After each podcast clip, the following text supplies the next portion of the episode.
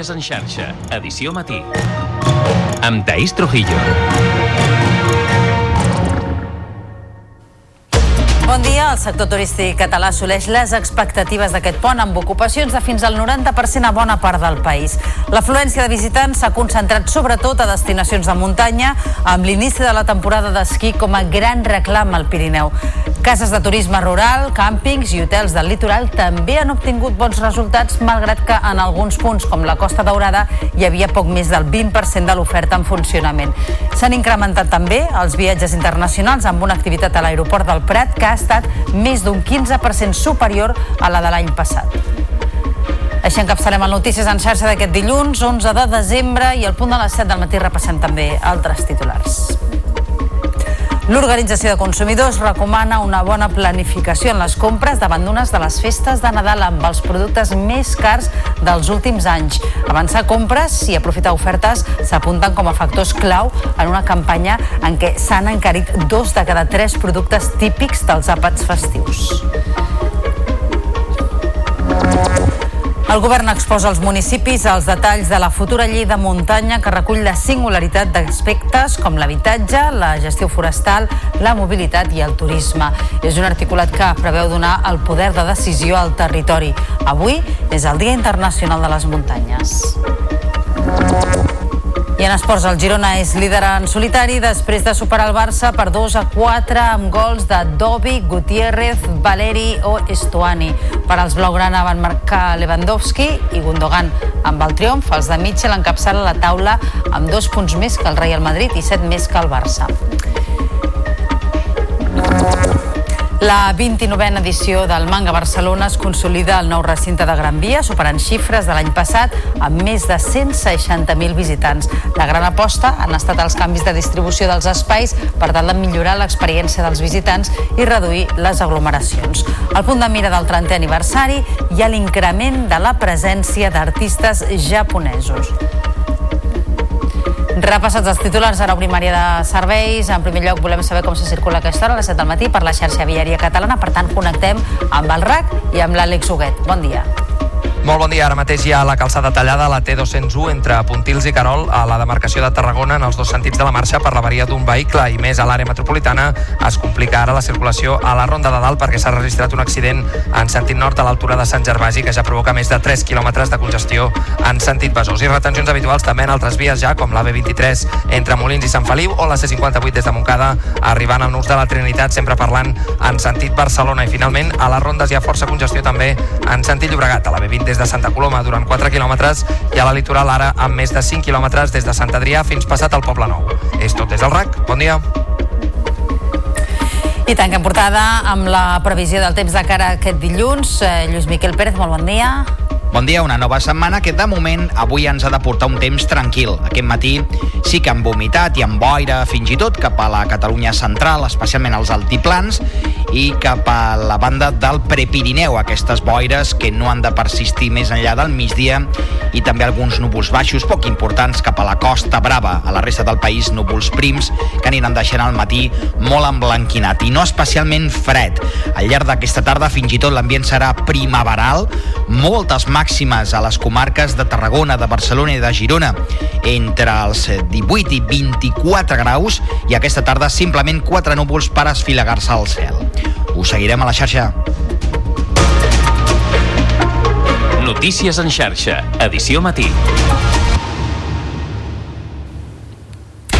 Satisfacció generalitzada i expectatives complertes en aquest pont de la Puríssima a gran part del sector turístic de Catalunya.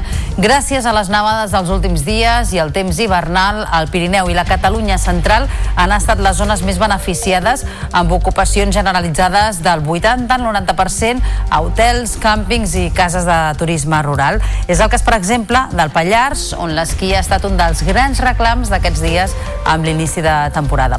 Ens ho explica l'Ariadna Sánchez en aquesta crònica de Lleida TV. La meteorologia ha acompanyat els primers esquiadors que, durant aquest pont de la Puríssima, han omplert l'estació d'esquí de Portainer. Tot i les previsions inicials, les condicions no han permès obrir més pistes, estrenant temporada amb tres pistes i dues cintes de debutants. Me temíem, no?, a veure com podíem arrencar i tal, i la veritat és que estem contents perquè hem pogut engegar la temporada amb les pistes prou bé, la gent ha pogut pujar i ja s'ha tret la, les ganes que tenien de començar a esquiar i la veritat és que estem contents no? i ara bueno, esperant les xifres finals de la valoració però per nosaltres tenint en compte les pistes obertes i, i tal com està la neu al Pirineu, la veritat és que estem molt contents. La bona arrencada de temporada porta el sector optimista de cara als propers mesos. Sí, no, la veritat és que la rebuda ha sigut molt bona no? per part de la gent, es nota que la gent té ganes d'esquiar perquè al final l'estació no està oberta al 100% ni molt menys, però la gent ha vingut igual i la resposta ha sigut molt bona i al final nosaltres ara esperar que nevi, no? Així, un any més, el sector té la mirada posada en la climatologia per tal de poder afrontar la nova temporada d'esquí. Una temporada que s'allargarà fins l'abril. De la muntanya al litoral, l'ocupació al Camp de Tarragona s'ha situat entorn del 80%, però cal tenir en compte que en aquestes dates s'ofereix un 22% dels serveis que estan oberts habitualment. El sector valora les dades positivament. N'informa Canal Reus. Aquests dies del pont de la Puríssima, el Camp de Tarragona s'ha omplert de visitants bàsicament nacionals i de proximitat, assolint una ocupació propera al 80%. Unes xifres que, si bé són similars a les dels darrers anys, exceptuant els temps de pandèmia, des del sector es valoren positivament. Jo, jo sempre recordo que si fa 25 anys enrere ens haguessin dit que al desembre teníem un 80% d'ocupació amb un 20% de l'oferta al carrer, no ens ho hauríem cregut. En aquestes dates en què no es fan estades llargues sinó escapades, els objectius dels visitants es diversifiquen. PortAventura és un atractiu indiscutible. També destaca el turisme esportiu, el que opta per visites culturals i el que es decanta pel relax, ja sigui d'interior o a la Costa Daurada. Venimos a descansar, la verdad, sí. porque Barcelona es cansada y aquí es como más y más ahora en esta época, ¿no? Que es como que es tranquilo todo, ¿no? Casi todo el mundo ahora aprovecha que hace frío y que hay nieve en la montaña y nosotros hacemos exactamente lo el revés, alejarnos un poco de lo de lo que son los los follones ahí. També són uns dies en què ens visiten moltes persones amb segona residència a la zona. Sovint aprofiten aquest pont per tancar la temporada i ja no tornen fins pels vols de Setmana Santa.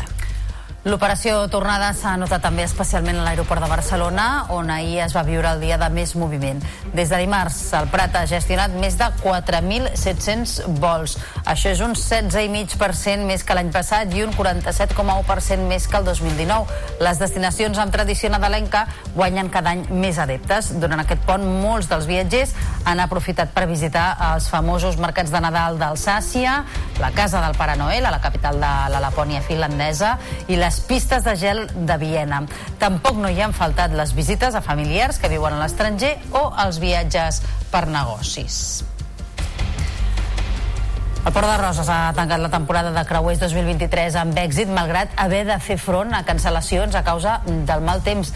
Amb 300 passatgers i 4 escales, el port ha mantingut el seu atractiu turístic i ha consolidat la seva reputació com a destinació de creuers de prestigi. En té els detalls el David Terrones des d'Empordà TV. Els visitants nord-americans i francesos van ser els més nombrosos, amb un 35% i un 34% de quota total, respectivament.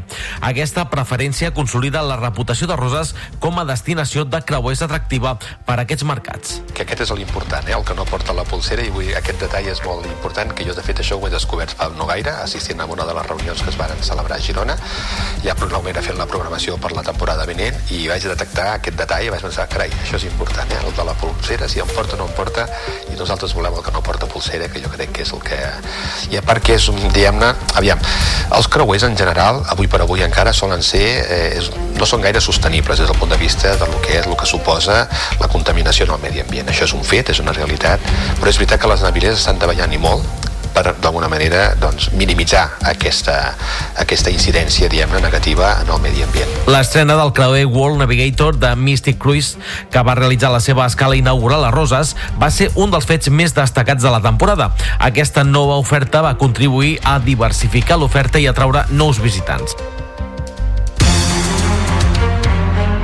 Passen ara 9 minuts de les 7 del matí. El pont de la Puríssima també ha deixat bons registres de vendes als comerciants catalans en uns dies en què les botigues van poder obrir també el diumenge. A Terrassa, però, seguiment desigual ahir en l'obertura de comerços. Majoritàriament han estat les franquícies les que han aixecat persianes, mentre que les botigues tradicionals s'hi han resistit més. A Lleida, tot i que ahir les botigues no van obrir, les vendes del pont han repuntat les de l'inici de la temporada de tardor i d'hivern i és un fet que eh, fent que el balanç comercial dels dies festius sigui positiu. Els comerciants esperen que aquest increment es mantingui fins a les festes de Nadal.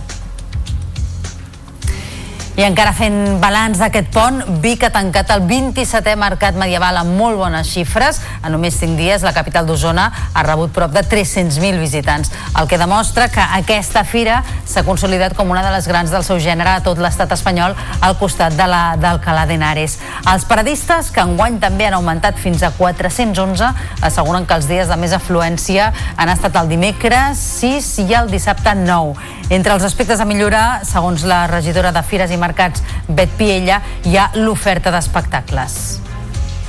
Aquí eh, a Vic ens anem per sobre, diguem, en metres quadrats i en nombre de parades, però al Calà d'Henares hi ha molt més espectacle. Fins i tot hi ha aquest festival de música celta. I aleshores nosaltres dèiem que eh, per nombre de parades està completament consolidat i és la mida justa, però que potser hauríem de mirar d'augmentar el nombre d'espectacles.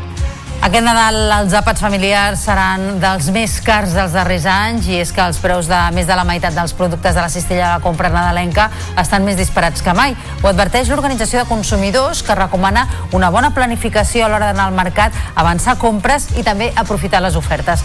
Ens ho explica la nostra companya Carina Vallvé. Segons l'Observatori de Preus de l'OCU, dos de cada tres productes més típics de la cistella de la compra nadalenca s'han encarit en màxims històrics. Set productes pugen de preu, com el besuc, el gall d'indi, el rodó de vedella, la pinya i, sobretot, les cloïsses, mentre que els que més baixen són el llobarro, el lluç, els llagostins i quatre productes més. Mantenen al mateix preu el panel ibèric i el xai de llet. En declaracions a les xarxes, Ter Lorente, delegada de l'OCU a Catalunya, ens dona consells a l'hora d'anar a comprar. comprar aquests peixos i el marisc que, que després els dies més propers a, a Nadal s'encareixen molt i congelar-los nosaltres a casa.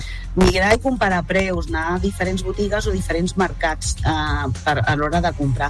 I després també, a lo millor, doncs, potser descartar segons quins menjars molt típics de Nadal i potser menjar d'altres que, que surtin una mica més, més econòmics. Aquesta és la primera de les tres onades d'estudis sobre l'encariment de preus per festes, amb dades d'un mes abans de Nadal, per veure l'evolució, l'OCU recollida dades després d'aquest punt de la Constitució i també els dies previs a la nit de Nadal.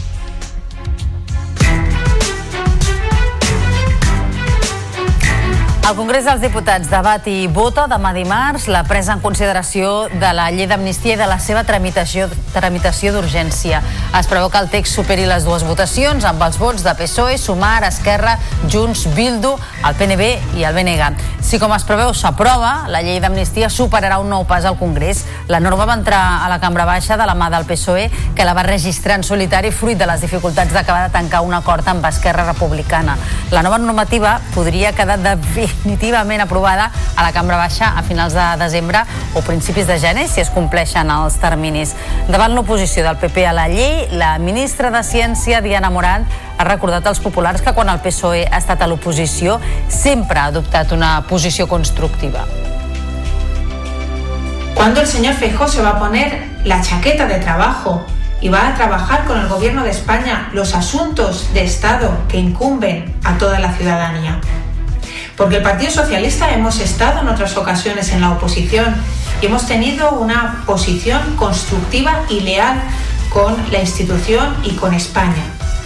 I també demà es podria votar per primer cop sobre l'oficialitat del català a Europa. A la recta final de la presidència espanyola del Consell de la Unió caldrà veure les possibilitats d'èxit de la iniciativa en la reunió de ministres d'aquest dimarts. És una crònica de Núria Perera.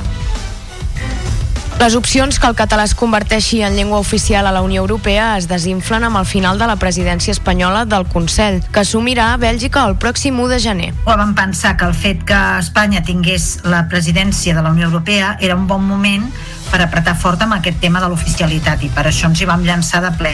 Si aquest proper dia 12 no es vota, doncs eh, no vol dir que s'hagi acabat, vol dir que amb la propera eh, presidència belga hi ha una altra possibilitat que això continuï viu. En el marc de la recta final de la presidència d'Espanya, Plataforma per la Llengua ha elaborat i fet públic l'informe jurídic internacional sobre l'oficialitat del català a la Unió Europea. Un informe que està a favor de reconèixer el català com a llengua oficial i de treball. Hem anat, eh, diguem, saltant tots els obstacles que ens han anat posant i l'últim doncs, és aquest eh, en què ens han dit que hi ha determinats estats que pensen que no és, diguem, legal, no és possible legalment que el català sigui oficial. Uns eh, catedràtics de dret de la, del King's College i de la Universitat de Birmingham eh, que han fet, ens han fet un informe jurídic en què es demostra que això no és cert. D'aquest informe és que no solament no hi ha cap impediment, sinó que el fet que no hi sigui pot comportar conseqüències negatives. D'aquesta manera, l'estudi pretén pressionar els estats membres de cara a la reunió de ministres de dimarts vinent,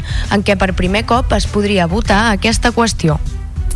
El president de la Generalitat, Pere Aragonès, declararà aquest dimecres al jutjat d'instrucció que porta la seva querella per l'espionatge amb el programari Pegasus. Es presentarà, per tant, a la ciutat de la justícia per compareixer com a perjudicat davant del jutge que investiga si va ser espiat a través del telèfon mòbil com altres dirigents independentistes. El president ja va assegurar que arribaria fins al final amb l'objectiu que mai més s'utilitzi l'espionatge contra la Generalitat de Catalunya i per criminalitzar opcions eh, que no són democràtiques.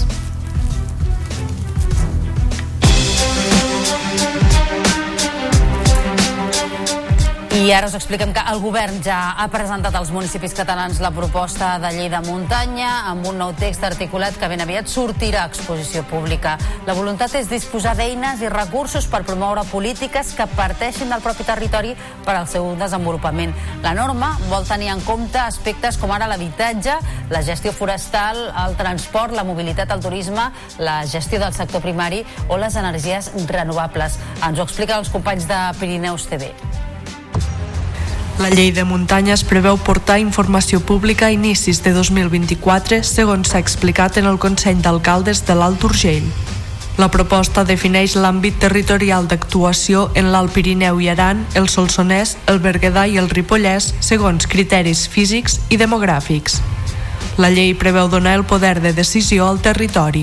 Poden ser iniciativa dels ens locals, dels consells comarcals, però d'un, de dos, de tres ajuntaments de l'agrupació de diferents, de l'agrupació de diferents consells comarcals, però també dels agents privats, hi pot haver col·laboració público-privada i la idea és que aquestes actuacions eh, han de tenir doncs, una sèrie de caràcters per ser estratègiques i aquí s'han d'aprovar amb un pla a sis anys que es faria l'aprovació provisional des d'aquest òrgan de governança del territori i d'aquí s'elevaria govern. És a dir, jo crec que és una eina de concertació territorial molt potent pel territori de muntanya de Catalunya.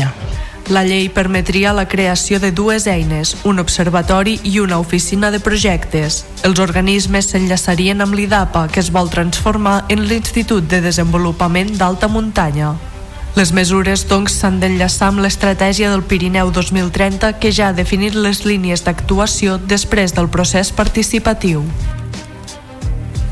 La cimera del clima que se celebra a Dubai entra a la recta final. En les darreres hores i en el marc de la COP28, les Nacions Unides han publicat un full de ruta per combatre la fam i la desnutrició sense incomplir l'acord de París. L'informe conclou que mantenir una dieta saludable redueix les emissions i, per tant, contribueix a salvar el planeta. Cal, doncs, donar suport als petits agricultors i productors d'aliments amb l'objectiu de reduir en un 25% les emissions de metà de la ramaderia de cara al 2030. També apunten la necessitat de reduir a la meitat el malbaratament d'aliments i gestionar la pesca de forma sostenible.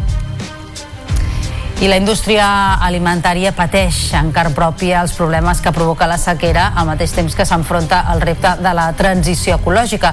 Són àmbits en què la tecnologia li pot donar un cop de mà, com ara a l'hora de trobar materials per fer envasos més sostenibles i que permetin substituir el plàstic. El Joan Ferrer n'ha conegut algun exemple. El plàstic d'un sol ús hauria d'anar desapareixent dels supermercats, sobretot en aquells productes que es poden vendre a granel. Per contribuir-hi, una empresa barcelonina ha desenvolupat un material per envasar aliments compostable a temperatura ambient.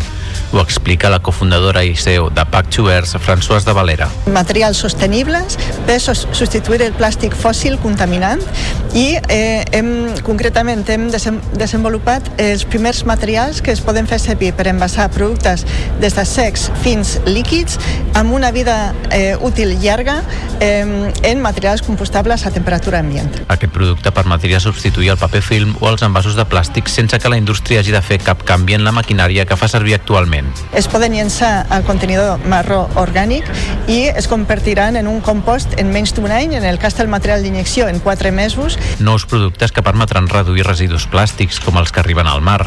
Aquesta altra empresa, creada a partir d'una investigació de l'Institut de Ciències Fotòniques, ha trobat la manera de detectar bactèries a l'aigua de manera ràpida. Ariane Stucchi és desenvolupadora de producte de Sixsenso. Un sistema para medir la calidad del agua y para medir la concentración de microorganismos en el agua de mar, en particular en el agua de baño. Uh, para, para encontrar uh, bacterias fecales y, y, y, medir la concentración en un tiempo mucho más rápido que, las que los métodos que lo hacen ahora. El dispositiu pot donar resultats fiables en només mitja hora. També serveix per detectar la legionela o per controlar l'aigua de rec en l'agricultura alimentària, tan escassa en situacions de sequera com l'actual. La Fatarella ha celebrat aquests dies la 24a edició de la Festa de l'Oli amb 70 expositors i estants de degustació en el que s'ha acabat convertint en una gran exhibició de la gastronomia més tradicional de la Terra Alta. Ens amplia la informació en Joan Bericat, des de Canal 21 Ebre.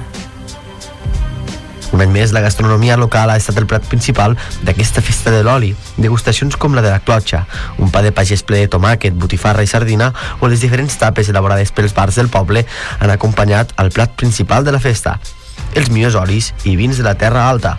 Durant tota la festa també s'han realitzat diferents actes culturals, com les visites guiades als antics molins o al nucli antic. L'oci i l'esport tampoc s'han quedat enrere, ja que a la programació s'han inclòs diferents carreres i marxes a peu o en BTT, i cada nit grups i disjòqueis tancaven les jornades amb música. L'alcalde de la Fatarella, Jordi Rius, també ha fet una valoració molt positiva. Estem molt contents perquè, bueno, d'alguna manera podem donar a conèixer a molta gent del poble, però també sobretot a gent de fora que ens ve a visitar, els atractius culturals i turístics turístics del poble i el producte per excel·lència que és estoli d'oliva nou de la collita 2023 que segons diuen els entesos pues, ha sortit molt bo. Així han acabat doncs unes festes que un any més reivindiquen l'esforç i la dedicació de la pagesia amb actes que la dignifiquen i la visibilitzen.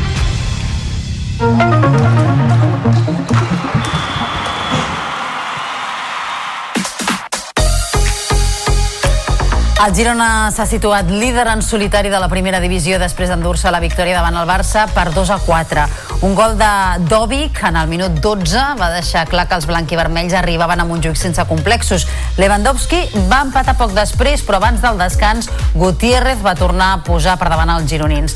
El marcador no es va moure fins al minut 80, quan Valeri va fer l'1 a 3. Ja en l'afegit, Gundogan va retallar diferències, però Estuani va sentenciar amb el quart del Girona. El triomf situa els blanquivermells al capdavant de la taula amb dos punts més que el Real Madrid i set més que el Barça. Els entrenadors Mitchell i Xavi feien aquestes anàlisis del partit. Estoy muy feliz por, por los jugadores porque lo de otra dimensión era esto, era hacer correr al Barça hacia atrás. Si lo hacemos con estos jugadores, eh, lo podemos hacer ante cualquier rival. Por eso creo que la otra dimensión es esa, tener la personalidad y la mentalidad de venir aquí y hacerles correr.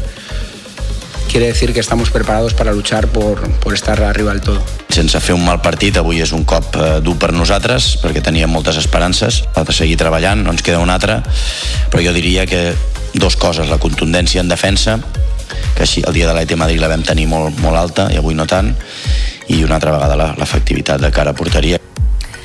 A la Lliga F, Llevant les Planes va empatar a dos a camp del Villarreal. Les de Sant Joan d'Espí van començar perdent per 2 a 0 amb els gols de Bitxo i Maria Llompart a la reacció en els darrers minuts, però es va materialitzar en les dianes de Cristina Baudet al 92 i Jessica Martínez de penal en el 94.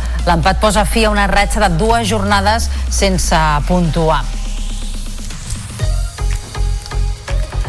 A la Lliga CB de bàsquet, el Barça va caure a l'últim sospir contra el Saragossa. La cistella de Bel Haynes, quan faltava un segon per al final del partit, va condemnar els blaugranes que pocs segons abans havien empatat gràcies a un triple de Parker. Amb tot, el 101 a 99 del marcador final reflecteix la mala defensa dels de Grimau durant tot el partit, que els va fer anar a remolc dels locals. És la quarta desfeta a la competició domèstica dels blaugranes, que són tercers a tres victòries del líder al Real Madrid. Qui sí que va fer els deures va ser el Joventut de Badalona, que continua lluitant per ser a la Copa del Rei. El conjunt verd i negre es va imposar a l'Obradoiro per 78 a 69. Andrius, amb 23 punts i 20 de valoració, va ser el millor jugador de l'equip badaloní, juntament amb Pep Busquets. El tècnic del Joventut, Carles Duran, valorava així el partit poc a poc doncs hem anat, eh, hem anat creixent el partit. Crec que el treball defensiu de la segona part ha sigut totalment diferent a la primera part i crec que això ens ha donat eh, eh, molta més força. Crec que ofensivament encara podíem jugar una miqueta millor però eh, venim d'on venim i crec que hem d'estar contents a la Lliga Femenina, el Barça Sant Feliuenc va caure estrepitosament contra el València per 42 a 92.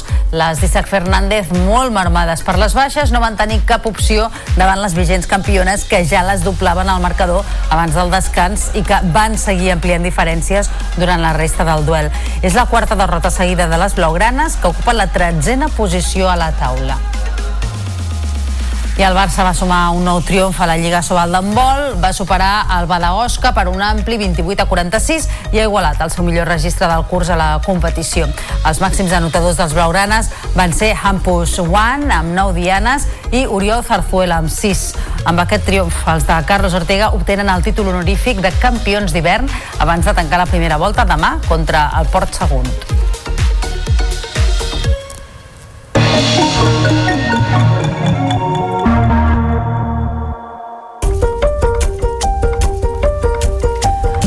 El manga Barcelona ha tancat portes aquest diumenge superant tímidament la xifra dels 163.000 assistents de l'any anterior. En el segon any que el certamen s'ubica a la Fira Gran Via, el Saló ha guanyat 3.000 metres quadrats més i ha crescut en nombre de parades, una setantena més d'expositors que l'any passat. La gran aposta ha estat els canvis de distribució dels espais per tal de millorar l'experiència dels visitants i reduir les aglomeracions. La directora del Manga Barcelona, Meritxell Puig, ha fet una valoració molt positiva d'aquesta edició molt, molt, molt contents. Ha sigut eh, una altra vegada la gran festa del manga i l'anime, el cosplay, diguéssim tot, molt, molt, molt contents. La producció catalana Robot Dreams ha guanyat el premi a millor pel·lícula d'animació per l'Acadèmia Europea de Cinema. Dirigida per Pablo Berger i produïda per Arcadia Motion Pictures, s'ha imposat a les altres quatre cintes gràcies a les aventures d'un gos solitari que decideix comprar un robot perquè li faci companyia. Ambientada en la Nova York dels anys 80, Robot Dreams és una història que parla sobre la soledat, la fragilitat de les relacions i el procés de pèrdua.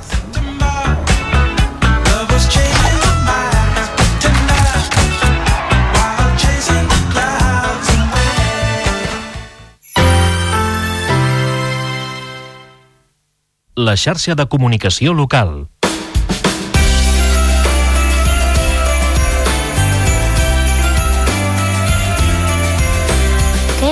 Figures ha de tenir un pessebre? Hi ha tres figures que no hi poden faltar. El nen Jesús i els seus pares, Josep i Maria. Els evangelis també ens parlen d'altres personatges, com els pastors, l'àngel que va anunciar la bona nova o els reis d'Orient. Però en un pessebre català no hi pot faltar una altra figura, el caganer. Això sí, s'ha de posar ben amagat, no al davant del nen Jesús. A més a més, hi ha personatges de tota classe. La dona que fa la boga del riu, la filadora, el pescador, els artesans i, per descomptat, el bou i la mula, que escalfen la cova on hi ha el nen. Hi ha pessebres on les figures són persones i éssers vius? En moltes poblacions s'organitzen uns pessebres molt especials en què no es col·loquen figuretes, sinó persones, animals i plantes de veritat. Són els pessebres vivents, de llarga tradició arreu de Catalunya. Des de Jesús, al Baix Ebre, fins a Navata, a l'Alt Empordà, passant per la Pobla de Montornès al Tarragonès, Valls a l'Alcamp, Linyola al Pla d'Urgell, Corbera de Llobregat al Baix Llobregat o Amer a la Selva. Avui dia n'hi ha que tenen escenes molt reeixides, amb uns detalls que els fan molt versemblants. Diferents veïns esdevenen actors per uns dies i representen les escenes del naixement de Jesús al mateix poble perquè nens i grans visquin més de prop l'experiència nadalenca.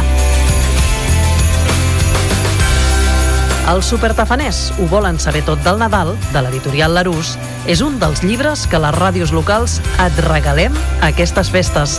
Escolta contes, poemes i supertafaneries a Lletres de Nadal, a la teva ràdio local i a la xarxa Més.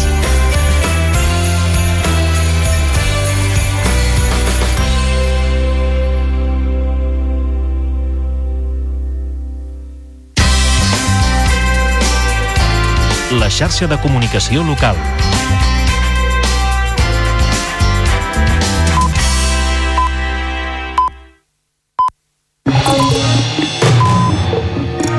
Notícies en xarxa, edició matí. Amb Taís Trujillo.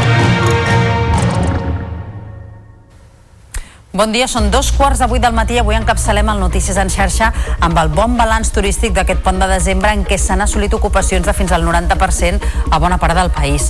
L'afluència de visitants s'ha concentrat sobretot a destinacions de muntanya amb l'inici de la temporada d'esquí com a gran reclam al Pirineu. Cases de turisme rural, càmpings i hotels del litoral també han obtingut bons resultats malgrat que en alguns punts, com la Costa Daurada, hi havia poc més del 20% de l'oferta en funcionament. S'han incrementat també els viatges viatges internacionals amb una activitat a l'aeroport del Prat que ha estat més d'un 15% superior a la de l'any passat. De seguida us ho ampliem, abans però repassem també més titulars d'aquest dilluns 11 de desembre. L'Organització de Consumidors recomana una bona planificació en les compres davant d'unes de les festes de Nadal amb els productes més cars dels darrers anys. Avançar compres i aprofitar ofertes s'apunten com a factors clau en una campanya en què s'han encarit dos de cada tres productes típics dels àpats festius. El govern exposa als municipis els detalls de la futura llei de muntanya que recull la singularitat d'aspectes com l'habitatge, la gestió forestal, la mobilitat i el turisme. És un articulat que preveu donar el poder de decisió al territori. En parlarem d'aquí a uns minuts amb Roser Bombardó, que és la directora general de Polítiques de Muntanya i del Litoral, justament avui, que és el Dia Internacional de les Muntanyes.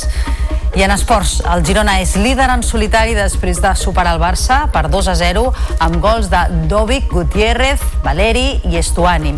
Per als Blaugrana van marcar Lewandowski i Gundogan. Amb el triomf, els de Mitchell encapçalen la taula amb dos punts més que el Real Madrid i set més que el Barça. I en cultura, la 29a edició del Manga Barcelona es consolida el nou recinte de Gran Via superant xifres de l'any passat amb més de 160.000 visitants. La gran aposta han estat els canvis de distribució dels espais per tal de millorar l'experiència dels visitants i reduir les aglomeracions. El punt de mira del 30è aniversari i a l'increment de la presència d'artistes japonesos. I repassats els titulars, serà obrim plana de serveis amb el trànsit. Segons el RAC, ara mateix hi ha dues incidències a la xarxa de carreteres catalanes. La varia d'un vehicle a la C31 a Badalona en sentit sud, que encara talla un carril i que acumula cues fins al tram de Montgat.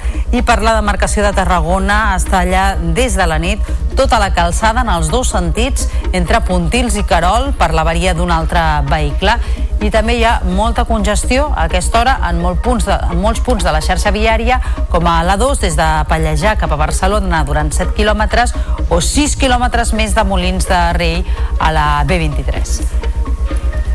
I pel que fa al temps, avui tindrem un dia de cel enterbolit pel pas de núvols, alts i mitjans associats a fronts que deixaran pluja a França, però no pas aquí a Catalunya.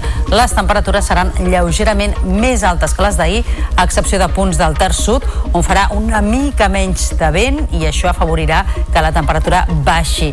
Pel que fa a les màximes, també pujaran una mica. Notícies en xarxa, edició matí.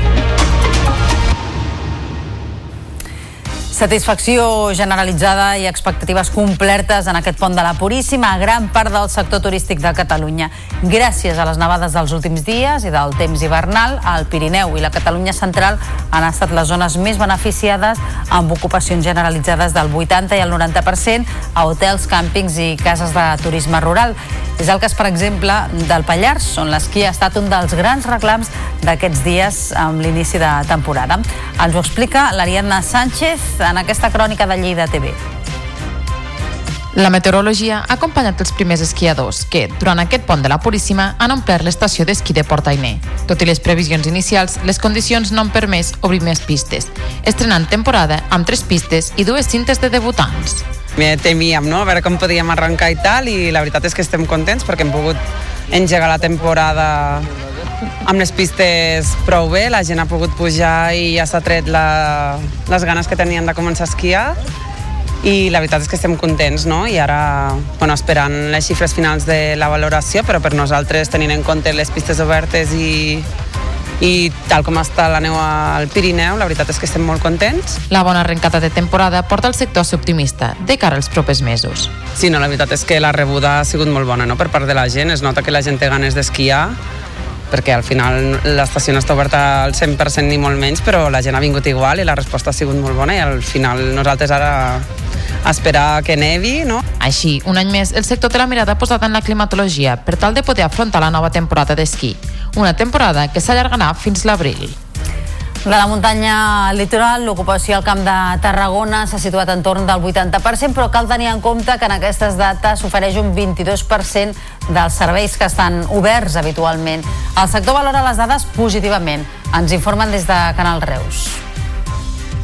Aquests dies del pont de la Puríssima, el Camp de Tarragona s'ha omplert de visitants bàsicament nacionals i de proximitat, assolint una ocupació propera al 80%. Unes xifres que, si bé són similars a les dels darrers anys, exceptuant els temps de pandèmia, des del sector es valoren positivament. Jo, jo sempre recordo que si fa 25 anys enrere ens haguessin dit que al desembre teníem un 80% d'ocupació amb un 20% de l'oferta al carrer, no ens ho hauríem cregut. En aquestes dates en què no es fan estades llargues sinó escapades, els objectius dels visitants es diversifiquen. PortAventura és un atractiu indiscutible. També destaca el turisme esportiu, el que opta per visites culturals i el que es decanta pel relax, ja sigui d'interior o a la Costa Daurada. Venimos a descansar, la verdad, porque Barcelona es cansada y aquí es como más y más ahora en esta época, ¿no? Que es como que es tranquilo todo, ¿no? Casi todo el mundo ahora aprovecha que hace frío y que hay nieve en la montaña y nosotros hacemos exactamente lo, el revés, alejarnos un poco de lo, de lo que son los, los follones de ahí. També són uns dies en què ens visiten moltes persones amb segona residència a la zona. Sovint aprofiten aquest pont per tancar la temporada i ja no tornen fins pels vols de Setmana Santa. I encara fent balanç d'aquest pont, Osona ha estat un dels punts més concorreguts del territori i és que la Fira de l'Avet d'Espinelves ha tornat a superar-se un any més. Durant els 10 dies que ha durat l'esdeveniment, més de 100.000 persones han visitat aquest llogarret de la comarca per comprar-hi l'arbre tradicional d'aquestes festes. El nou equip de govern hi ha introduït canvis com la incorporació de casetes de fusta a les parades, tions gegants repartits pel centre del poble i l'ampliació de fins a 200 places d'aparcament. El bon temps ha acompanyat una edició on els abets han conservat el preu de venda d'altres anys, entre 20 i 50 euros. Antoni Tanià és l'alcalde d'Espinelves i la Rosalia Santa Eugeni és la venedora d'abets de Calrei hem sigut molt atrevits perquè hem fet molt, molts canvis eh, hem fet un 50% de parades de fusta hem escampat sis tions per tot el, per tot el poble llavors aquí darrere meu hem fet un jardí amb abets que, que ha agradat molt que això anys enrere ja feia 42 anys que ho havíem fet s'ha reactivat una mica. Hem fet algun canvi a aquest poble, s'han fet algunes millores, clar, necessita fer alguna mica de millores, però la gent cada any torna perquè li agrada molt. I l'operació tornada s'ha notat també especialment a l'aeroport de Barcelona, on ahir es va viure el dia de més moviment. Des de dimarts, el Prat ha gestionat més de 4.700 vols. Això és un 16,5% més que l'any passat i un 47,1% més que el 2019.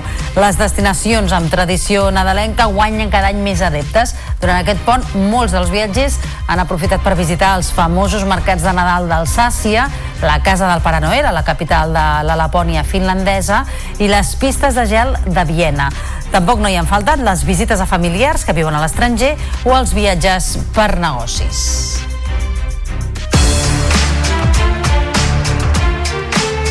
El pont de la Puríssima també ha deixat eh, bons registres de vendes als comerciants catalans en uns dies en què les botigues van poder obrir també el diumenge.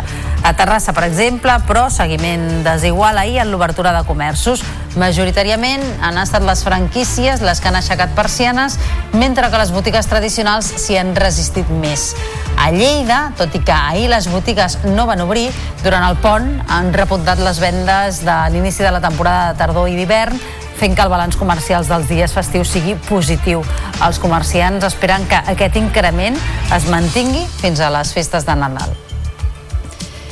I les llums de Nadal ja fa dies que guarneixen els carrers de molts municipis catalans i són molts els que s'hi fan fotos per tal de tenir-ne un record. Al Passeig de Gràcia de Barcelona, però aquesta falera per aconseguir la millor foto ha fet que moltes persones envaeixin la calçada i aturin el trànsit. Per evitar els problemes de circulació que això provoca, la Guàrdia Urbana ha instal·lat una cinta entre els arbres en el tram que va de Gran Via a Consell de Cent per evitar que la gent accedeixi a la calçada fora dels passos de vianants. A més, també ha reforçat la presència d'agents uniformats que fan tasques de dissuasió. I aquest Nadal els àpats familiars seran dels més cars dels darrers anys. I és que els preus de més de la meitat dels productes de la cistella de la compra nadalenca estan més disparats que mai. Ho adverteix l'Organització de Consumidors que recomana una bona planificació a l'hora d'anar al mercat, avançar compres i també aprofitar les ofertes. Ens ho explica la Carina Vallvé.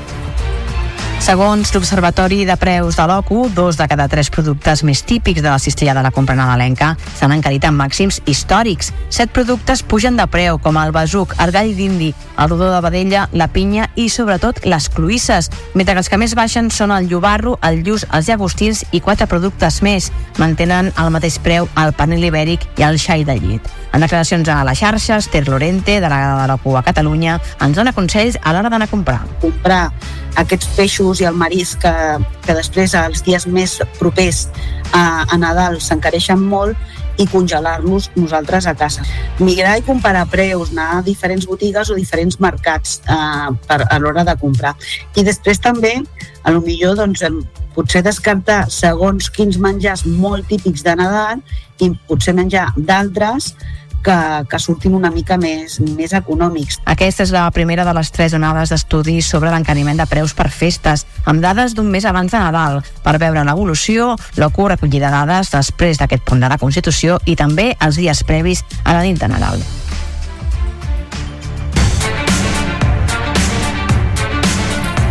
El Congrés dels Diputats debat i vota demà dimarts la presa en consideració de la llei d'amnistia i la seva tramitació d'urgència.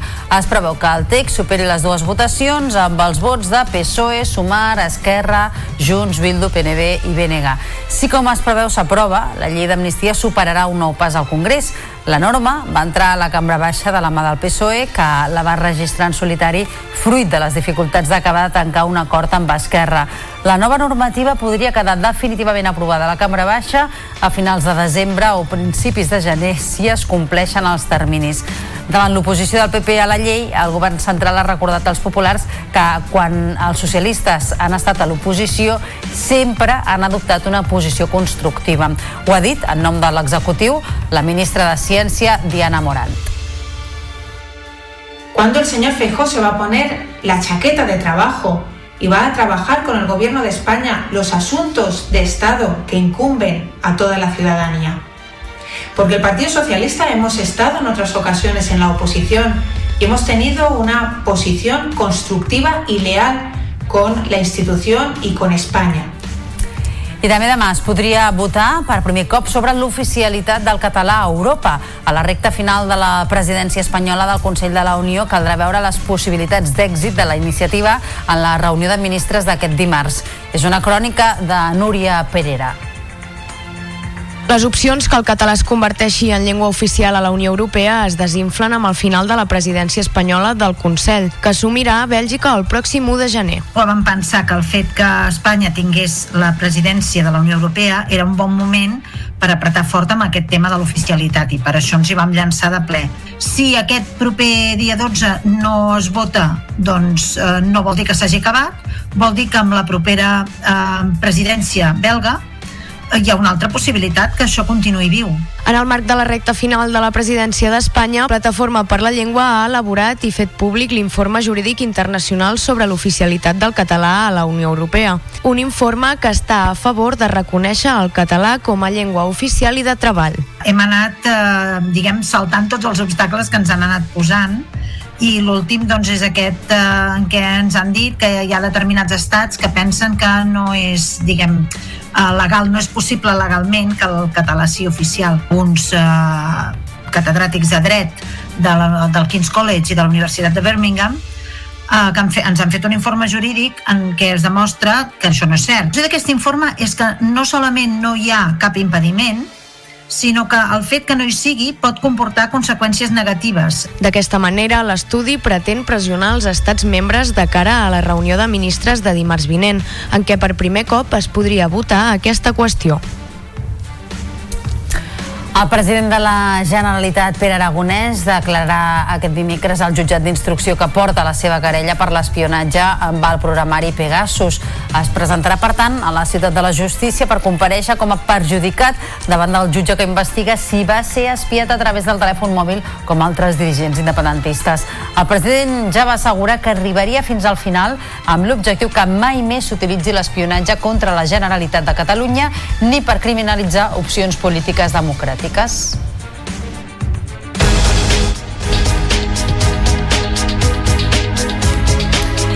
Govern ja ha presentat als municipis catalans la proposta de llei de muntanya amb un nou text articulat que ben aviat sortirà a exposició pública. La voluntat és disposar d'eines i de recursos per promoure polítiques que parteixin del propi territori per al seu desenvolupament. Aquesta norma vol tenir en compte aspectes com ara l'habitatge, la gestió forestal, el transport, la mobilitat, el turisme, la gestió del, del sector primari o les energies renovables. De tot plegat en volem parlar justament avui, que és el Dia Internacional de les Muntanyes i establim connexió per fer-ho amb Roser Bombardó, que és la directora general de Polítiques de Muntanya i del Litoral. Senyora Bombardó, molt bon dia.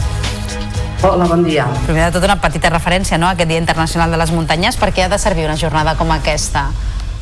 Doncs per ajudar a prendre consciència no? que, de la importància que tenen les muntanyes doncs, per, per un país i al final pel planeta. Mm -hmm. En quina situació estan actualment les muntanyes eh, catalanes? Quin estat de salut tenen en general? Bé, en aquest moment jo crec que les muntanyes catalanes tenen molts reptes, molts reptes a afrontar i, i cal doncs, accions decidides per, perquè d'alguna manera doncs, hi pugui haver futur en aquests territoris, no? perquè jo, quan parlem de muntanyes, no entenem no només muntanyes no? en el sentit natural, sinó també les persones que, que vivim en aquests territoris. Mm -hmm. I aquests reptes els afronta aquesta llei de muntanya a la qual fèiem referència ara, que han estat presentant els diferents municipis i zones afectades i que aviat arribarà a exposició pública. Expliqui'ns quins són els, els grans trets característics d'aquesta legislació. Bé, primer de tot, dir que la llei de muntanya no és una norma, sinó que és una llei de foment, justament en aquest sentit, és una llei de foment per ajudar doncs, a que aquests territoris de muntanya puguin donar doncs, unes condicions de vida doncs, per, les persones, per les persones que hi viuen, puguin esdevenir també doncs, uns territoris on eh, la conservació no, d'aquest patrimoni natural doncs, eh, també estigui sobre, sobre el paper, eh, on també l'activitat la, econòmica en sectors que no està desenvolupat doncs, doncs també eh, es, pugui, es pugui portar a terme. També a nivell de, de, de serveis no? doncs hauria, hauria de, poder, de poder actuar, però dir d'alguna manera que eh, la, la llei de muntanya el, el que acaba és posant unes eines no? doncs perquè siguin aquests territoris de muntanya els que posin unes actuacions estratègiques no? que ells considerin importants i a partir d'aquí doncs, es, puguin anar, es puguin anar acompanyant i esdevinguin, esdevinguin una realitat. Uh -huh. Quan em parlaves d'àmbits d'actuació, en paral·lel al govern té en marxa el que és l'estratègia Pirineu eh, 24-30, que és una mica el que podria ser com un primer pla pilot d'actuacions estratègiques. Passa, entre d'altres qüestions, eh, mm, sobretot com una de les prioritats eh, per evitar la despoblació d'aquestes zones? Sí, és, és la primera. Um, um, és un dels grans és un dels grans reptes que la gent del Pirineu els, uh, la gent que vulgui viure pugui trobar feina, pugui tenir condicions de vida i també la mate... jo ja dono per fet, la mateixa gent que hi viu doncs, pugui quedar-se, també la gent jove, sobretot la gent jove, que en aquest moment eh, és molt difícil doncs, mm, poder, poder fer no, um, que serien eh, no, pensar en un futur de vida allà eh, doncs també, també puguin quedar-se. I per això doncs, cal desenvolupar segurament sectors estratègics que en aquest moment no els tenim, no els tenim en marxa eh, doncs perquè les dinàmiques han portat a que hi hagi doncs, polarització i sectors doncs, que són els que generarien activitat econòmica més al dia a dia doncs, que estiguin per desenvolupar. Mm. Els que estan en marxa, diguéssim, i consolidats són el turístic d'una banda, no? però que té aquesta problemàtica o aquest inconvenient de l'estacionalitat. Eh, els sectors estratègics que caldria impulsar i que ara mateix no estan en funcionament, quins serien?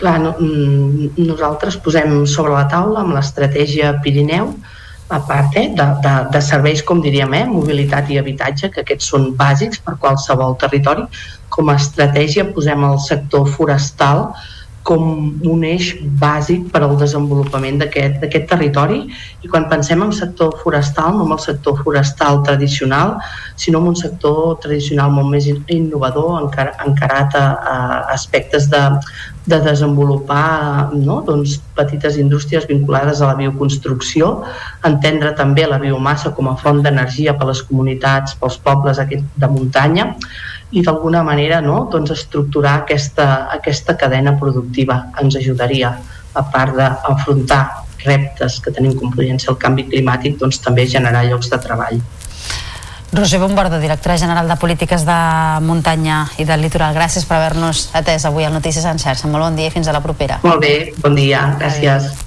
Adéu.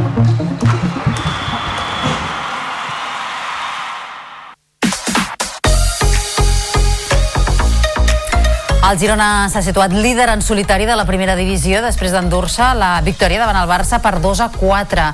Dovic, Gutiérrez, Valerí i Estuani van ser els autors dels gols blanc i vermells, mentre que les dianes del Barça, que sempre van a remolc en el marcador, van ser de Lewandowski i Gundogan. Amb el triomf, els gironins encapçalen la taula amb dos punts més que el Real Madrid i set més que el Barça. Els entrenadors Mitchell i Xavi feien aquestes anàlisis del partit. Estoy muy feliz por, por los jugadores porque lo de otra dimensión era esto, era hacer correr al Barça hacia atrás. Si lo hacemos con estos jugadores, eh, lo podemos hacer ante cualquier rival. Por eso creo que la otra dimensión es esa, tener la personalidad y la mentalidad de venir aquí y hacerles correr. Quiere decir que estamos preparados para luchar por, por estar arriba del todo. sense fer un mal partit, avui és un cop eh, dur per nosaltres, perquè teníem moltes esperances, ha de seguir treballant, no ens queda una altra, però jo diria que dos coses, la contundència en defensa, que així el dia de l'ET Madrid la vam tenir molt, molt alta i avui no tant, i una altra vegada l'efectivitat de cara a porteria. A la Lliga F, llevant les planes, va empatar a dos a camp del Villarreal. Les de Sant Joan d'Espí van començar perdent per 2 a 0 amb els gols de Bicho i Maria Llompart. La reacció en els darrers minuts, però, es va materialitzar en les dianes de Cristina Baudet al 92 i Jessica Martínez de penal en el 94. L'empat posa fi a una ratxa de dues jornades sense puntuar. I la continuïtat de Catalunya a la Copa de les Regions es decidirà per sorteig. El combinat va derrotar Navarra per 1-0 gràcies a un gol de penal del davanter del Badalona Walid. D'aquesta manera, la selecció entrenada per Robert Vila ha acabat segona de grup, empatada a punts, gols i tandes de penals amb Galícia. Aquesta màxima igualtat fa que hagi de ser l'atzar qui decideixi finalment quin dels dos conjunts continua endavant a la competició. A la Lliga CB de bàsquet, el Barça va caure a l'últim sospir contra el Saragossa. La cistella de Bel Haynes, quan faltava un segon per al final del partit, va condemnar els blaugranes que pocs segons abans havien empatat gràcies a un triple de Parker. Amb tot, el 101 a 99 del marcador final reflecteix la mala defensa dels de Grimau durant tot el partit que els va fer anar a remolc dels locals. És la quarta desfeta a la competició domèstica dels blaugranes, que són tercers a tres victòries del líder, al Real Madrid. Qui sí que va fer els deures va ser el Joventut de Badalona, que continua lluitant per ser a la Copa del Rei. El conjunt verd i negre es va imposar a l'Obradoiro per 78 a 69. El tècnic del Joventut, Carles Duran, valorava així el partit. A poc a poc doncs, hem, anat, eh, hem anat creixent el partit. Crec que el treball defensiu de la segona part ha sigut totalment diferent a la primera part i crec que això ens ha donat eh, eh, molta més força. Crec que ofensivament encara podíem jugar una miqueta millor, però eh, venim d'on venim i crec que hem d'estar contents. A la Lliga Femenina, el Barça Sant Feliuenc va caure estrepitosament contra el València per 42 a 92. Les Isaac Fernández, molt marmades per les baixes, no van tenir cap opció davant les vigents campiones. És la quarta derrota seguida de les blaugranes que ocupen la tretzena posició a la taula. I el Barça va sumar un nou triomf a la Lliga Sobal d'handbol, va superar el Bada Osca per un ampli 28 a 46 i ha igualat el seu millor registre del curs a la competició. Els màxims anotadors dels blaugranes van ser Hampus Wayne amb 9 dianes i Oriol Zarzuela amb 6. Amb aquest triomf els de Carlos Ortega obtenen el títol honorífic de campions d'hivern abans de tancar la primera volta demà contra el Port Sagunt. I el Palau va sumar el segon títol de campió de la Lliga Catalana Femenina d'hoquei patins. Va superar el Fraga a la final per 6 a 2 amb un pòquer de gols de Laia Juan que va completar Carla Fontdeglòria i Berta Busquets. Malgrat les nombroses absències de jugadores importants per la disputa de l'europeu d'hoquei, l'equip ballesà va dominar en tot moment i no va donar opció a les aragoneses. Dissabte es reprendrà l'hoquei Lliga després de l'aturada per la competició continental de seleccions que s'ha endut l'equip espanyol. I de la jornada a l'Hockey Lliga, destacar l'empat a 6 gols entre el segon i el tercer classificats, el Noia i el Sant Just. El conjunt de Sant Sadurní va arribar al descans amb l'1-4 favorable gràcies a un doblet de Toni Salvador i amb gols d'Humberto i Jordi Bargalló, però el Sant Just no es va rendir i va empatar a 4 amb dianes de Cristian Rodríguez, Joan Pujalte i Gerard Miquel Soler. El Noia va tornar a agafar una renda de dos gols que Joan Pujalte va neutralitzar en els darrers instants amb dues faltes directes transformades.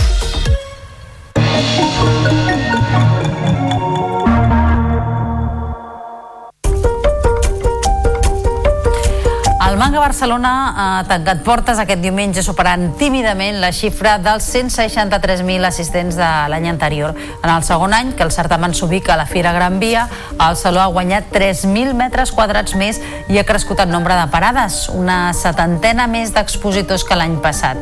La directora del Manga Barcelona, Meritxell Puig, ha fet una valoració molt positiva d'aquesta edició molt, molt, molt contents. Ha sigut eh, una altra vegada la gran festa del manga i l'anime, el cosplay, diguéssim tot, molt, molt, molt contents. La vetlla de l'actriu Itziar Castro, morta divendres, ha reunit centenars de persones al tanatori de Pallejà. Amics i familiars l'han volguda recordar i retre-li un últim homenatge en una vetlla pública i reivindicativa. L'actriu de 46 anys va perdre la vida a causa d'un infart mentre assajava un espectacle de natació sincronitzada que preparava per a una gala benèfica. Avui dilluns el tanatori tornarà a obrir a la tarda i es farà una cerimònia íntima amb familiars i amics per tal d'acomiadar-la. La producció catalana Robot Dreams ha guanyat el premi a la millor pel·lícula d'animació per l'Acadèmia Europea de Cinema.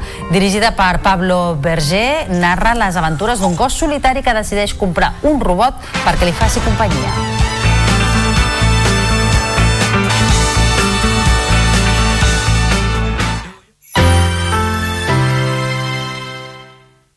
La xarxa de comunicació local.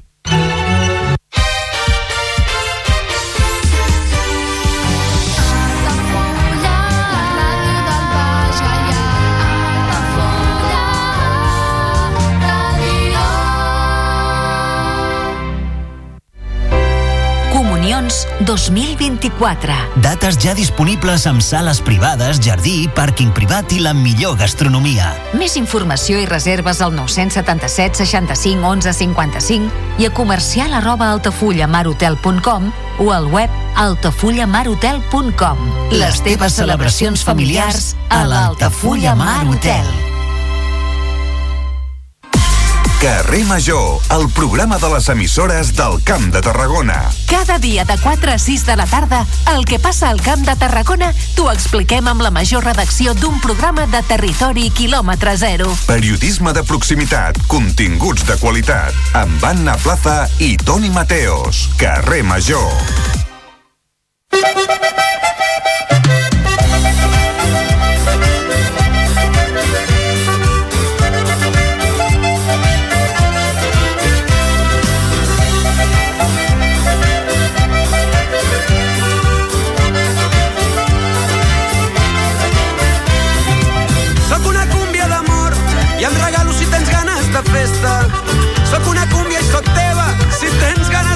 Ganes de rebre petons. Soc una reina del ball i et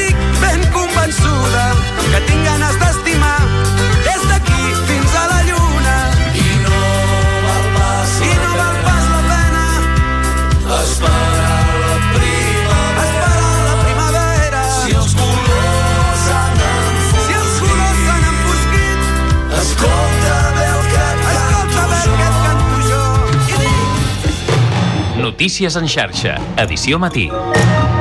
Amb Taís Trujillo.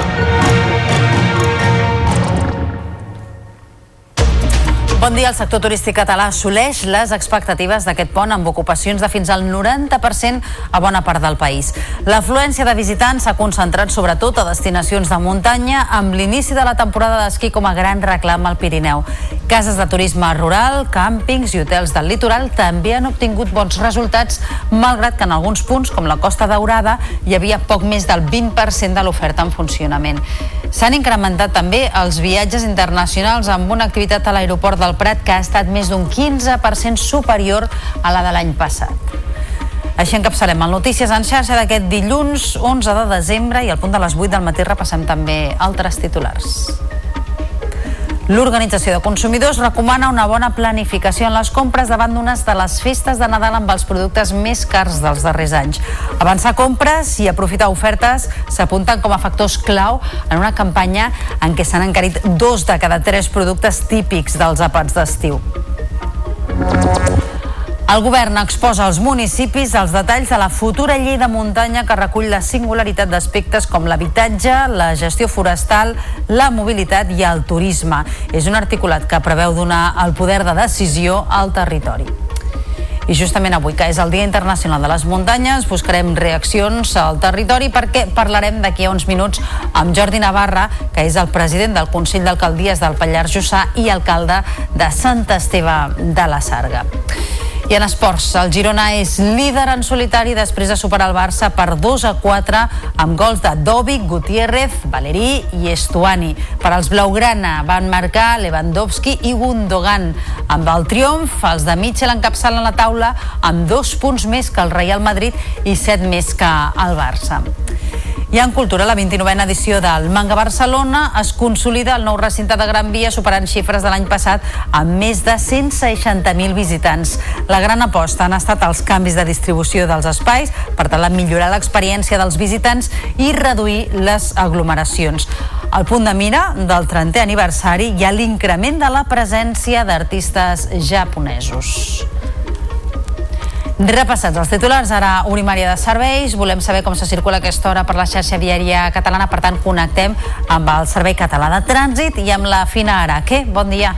Hola, molt bon dia. Doncs avui situació viària complicada als accessos del Baix Llobregat. A l'autovia 2 observem per càmeres que hi ha 10 quilòmetres de retencions entre Pallejà i Sant Joan d'Espí per accedir a la capital catalana i per enllaçar amb la C245. També en aquesta zona hi ha retencions a la B23 entre el Papiol i Sant Feliu de Llobregat i més endavant entre Sant Joan d'Espí la Diagonal de Barcelona, a l'autopista P7. També aturades en sentit sud entre Mollet i Santa Perpètua de Mogoda en un tram de 5 quilòmetres en sentit Tarragona i de la zona dels accessos nord. Sobretot destaquem que hi ha un vehicle avariat a la C31 a l'altura de Badalona que talla un carril d'entrada a la capital catalana i provoca dos quilòmetres de retencions des de Montgat i també complicacions a la zona del Vallès a la C58, com cada matí d'entrada a la capital catalana i a la C17, dos quilòmetres de circulació amb retencions compacta a l'altura de Parets del Vallès. De moment això és el més destacat, molta precaució.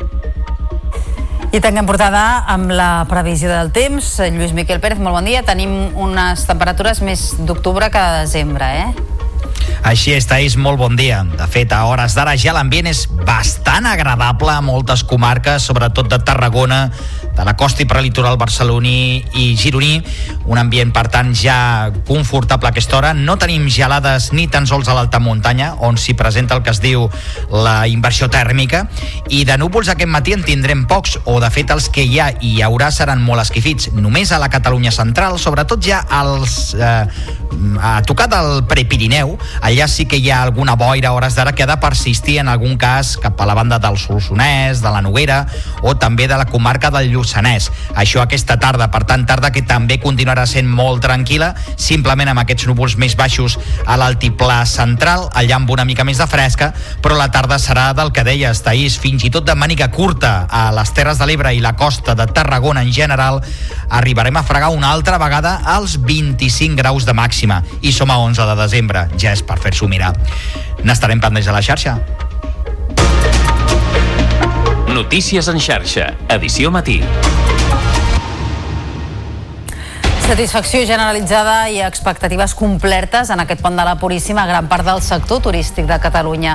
Gràcies a les nevades dels últims dies i al temps hivernal, el Pirineu i la Catalunya central han estat les zones més beneficiades amb ocupacions generalitzades del 80 al 90% a hotels, càmpings i cases de turisme rural. És el cas, per exemple, del Pallars, on l'esquí ha estat un dels grans reclams d'aquests dies amb l'inici de temporada. Ens ho explica l'Ariadna Sánchez en aquesta crònica de Lleida TV. La meteorologia ha acompanyat els primers esquiadors que, durant aquest pont de la Puríssima, han omplert l'estació d'esquí de Portainer. Tot i les previsions inicials, les condicions no han permès obrir més pistes, estrenant temporada amb tres pistes i dues cintes de debutants. Temíem, no?, a veure com podíem arrencar i tal, i la veritat és que estem contents perquè hem pogut engegar la temporada amb les pistes prou bé, la gent ha pogut pujar i ja s'ha tret la, les ganes que tenien de començar a esquiar i la veritat és que estem contents no? i ara bueno, esperant les xifres finals de la valoració però per nosaltres tenint en compte les pistes obertes i, i tal com està la neu al Pirineu, la veritat és que estem molt contents. La bona arrencada de temporada porta el sector optimista de cara als propers mesos. Sí, no, la veritat és que la rebuda ha sigut molt bona no? per part de la gent, es nota que la gent té ganes d'esquiar perquè al final l'estació no està oberta al 100% ni molt menys, però la gent ha vingut igual i la resposta ha sigut molt bona i al final nosaltres ara esperar que nevi, no? Així, un any més, el sector té la mirada posada en la climatologia per tal de poder afrontar la nova temporada d'esquí. Una temporada que s'allargarà fins l'abril. De la muntanya al litoral, l'ocupació al Camp de Tarragona s'ha situat en torn del 80%, però cal tenir en compte que en aquestes dates s'ofereix un 22% dels serveis que estan oberts habitualment. El sector valora les dades positivament, n'informen des de Canal Reus.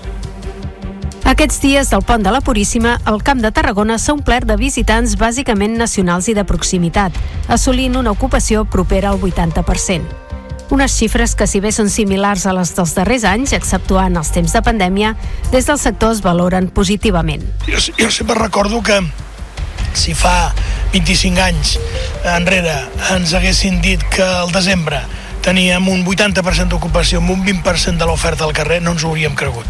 En aquestes dates en què no es fan estades llargues sinó escapades, els objectius dels visitants es diversifiquen. PortAventura és un atractiu indiscutible. També destaca el turisme esportiu, el que opta per visites culturals i el que es decanta pel relax, ja sigui d'interior o a la Costa Daurada.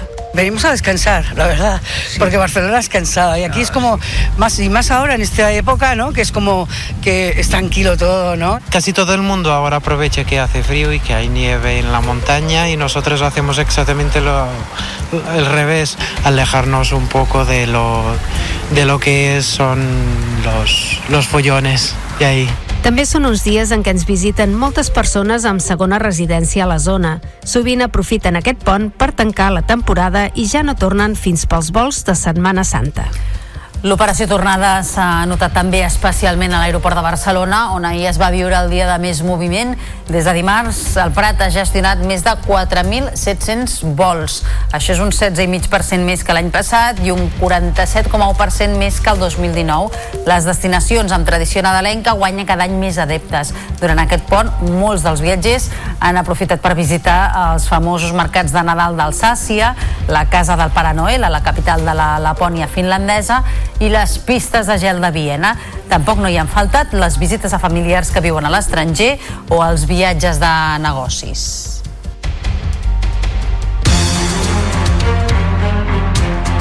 El pont de la Puríssima també ha deixat bons registres de vendes als comerciants catalans en uns dies en què les botigues van poder obrir també el diumenge. A Terrassa, per exemple, però seguiment desigual ahir en l'obertura de comerços. Majoritàriament han estat les franquícies les que han aixecat persianes, mentre que les botigues tradicionals s'hi han resistit més.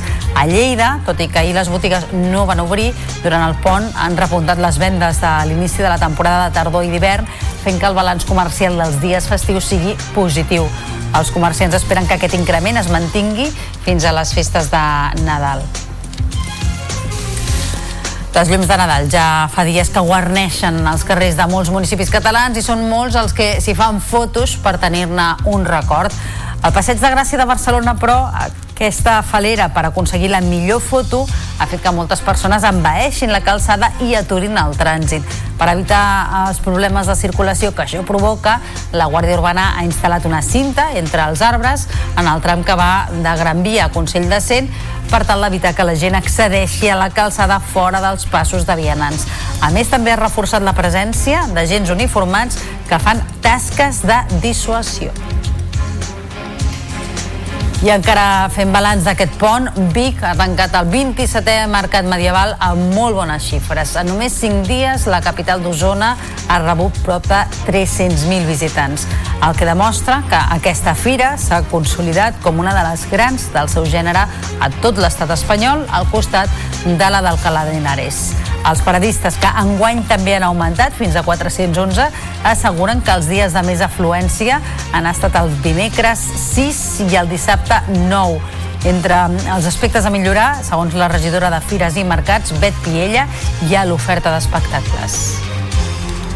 Aquí a Vic ens anem per sobre, diguem, en metres quadrats i en nombre de parades, però al Calà d'Henares hi ha molt més espectacle. Fins i tot hi ha aquest festival de música celta. I aleshores nosaltres dèiem que eh, per nombre de parades està completament consolidat i és la mida justa, però que potser hauríem de mirar d'augmentar el nombre d'espectacles. Aquest Nadal els àpats familiars seran dels més cars dels darrers anys i és que els preus de més de la meitat dels productes de la cistella de la compra nadalenca estan més disparats que mai. Ho adverteix l'Organització de Consumidors que recomana una bona planificació a l'hora d'anar al mercat, avançar compres i aprofitar les ofertes. Ens ho explica la Carina Vallvé. Segons l'Observatori de Preus de l'OCU, dos de cada tres productes més típics de la cistella de la compra nadalenca s'han encarit en màxims històrics. Set productes pugen de preu, com el besuc, el gall d'indi, el rodó de vedella, la pinya i, sobretot, les cloïsses, mentre que els que més baixen són el llobarro, el lluç, els llagostins i quatre productes més. Mantenen al mateix preu el panel ibèric i el xai de llit. En declaracions a les xarxes, Ter Lorente, delegada de l'OCU a Catalunya, ens dona consells a l'hora d'anar a comprar. comprar aquests peixos i el marisc que, que després els dies més propers a, a Nadal s'encareixen molt i congelar-los nosaltres a casa. Migrar i comparar preus, anar a diferents botigues o diferents mercats eh, per, a l'hora de comprar. I després també, a lo millor, doncs, potser descartar segons quins menjars molt típics de Nadal i potser menjar d'altres que, que surtin una mica més, més econòmics. Aquesta és la primera de les tres onades d'estudis sobre l'encariment de preus per festes, amb dades d'un mes abans de Nadal, per veure l'evolució, l'OCU recollida dades després d'aquest punt de la Constitució i també els dies previs a la nit de Nadal. El Congrés dels Diputats debat i vota demà dimarts la presa en consideració de la llei d'amnistia i la seva tramitació d'urgència. Es preveu que el text superi les dues votacions amb els vots de PSOE, Sumar, Esquerra, Junts, Bildu, PNB i BNG. Si com es preveu s'aprova, la llei d'amnistia superarà un nou pas al Congrés. La norma va entrar a la cambra baixa de la mà del PSOE que la va registrar en solitari fruit de les dificultats d'acabar de tancar un acord amb Esquerra Republicana. La nova normativa podria quedar definitivament aprovada a la cambra baixa a finals de desembre o principis de gener si es compleixen els terminis. Davant l'oposició del PP a la llei, el govern central ha recordat als populars que quan els socialistes han estat a l'oposició sempre han adoptat una posició constructiva. Ho ha dit, en nom de l'executiu, la ministra de Ciència Diana Morant. ¿Cuándo el señor Feijóo se va a poner la chaqueta de trabajo y va a trabajar con el Gobierno de España los asuntos de Estado que incumben a toda la ciudadanía? Porque el Partido Socialista hemos estado en otras ocasiones en la oposición y hemos tenido una posición constructiva y leal con la institución y con España. El president de la Generalitat, Pere Aragonès, declararà aquest dimecres al jutjat d'instrucció que porta la seva querella per l'espionatge amb el programari Pegasus. Es presentarà, per tant, a la ciutat de la justícia per compareixer com a perjudicat davant del jutge que investiga si va ser espiat a través del telèfon mòbil com altres dirigents independentistes. El president ja va assegurar que arribaria fins al final amb l'objectiu que mai més s'utilitzi l'espionatge contra la Generalitat de Catalunya ni per criminalitzar opcions polítiques democràtiques.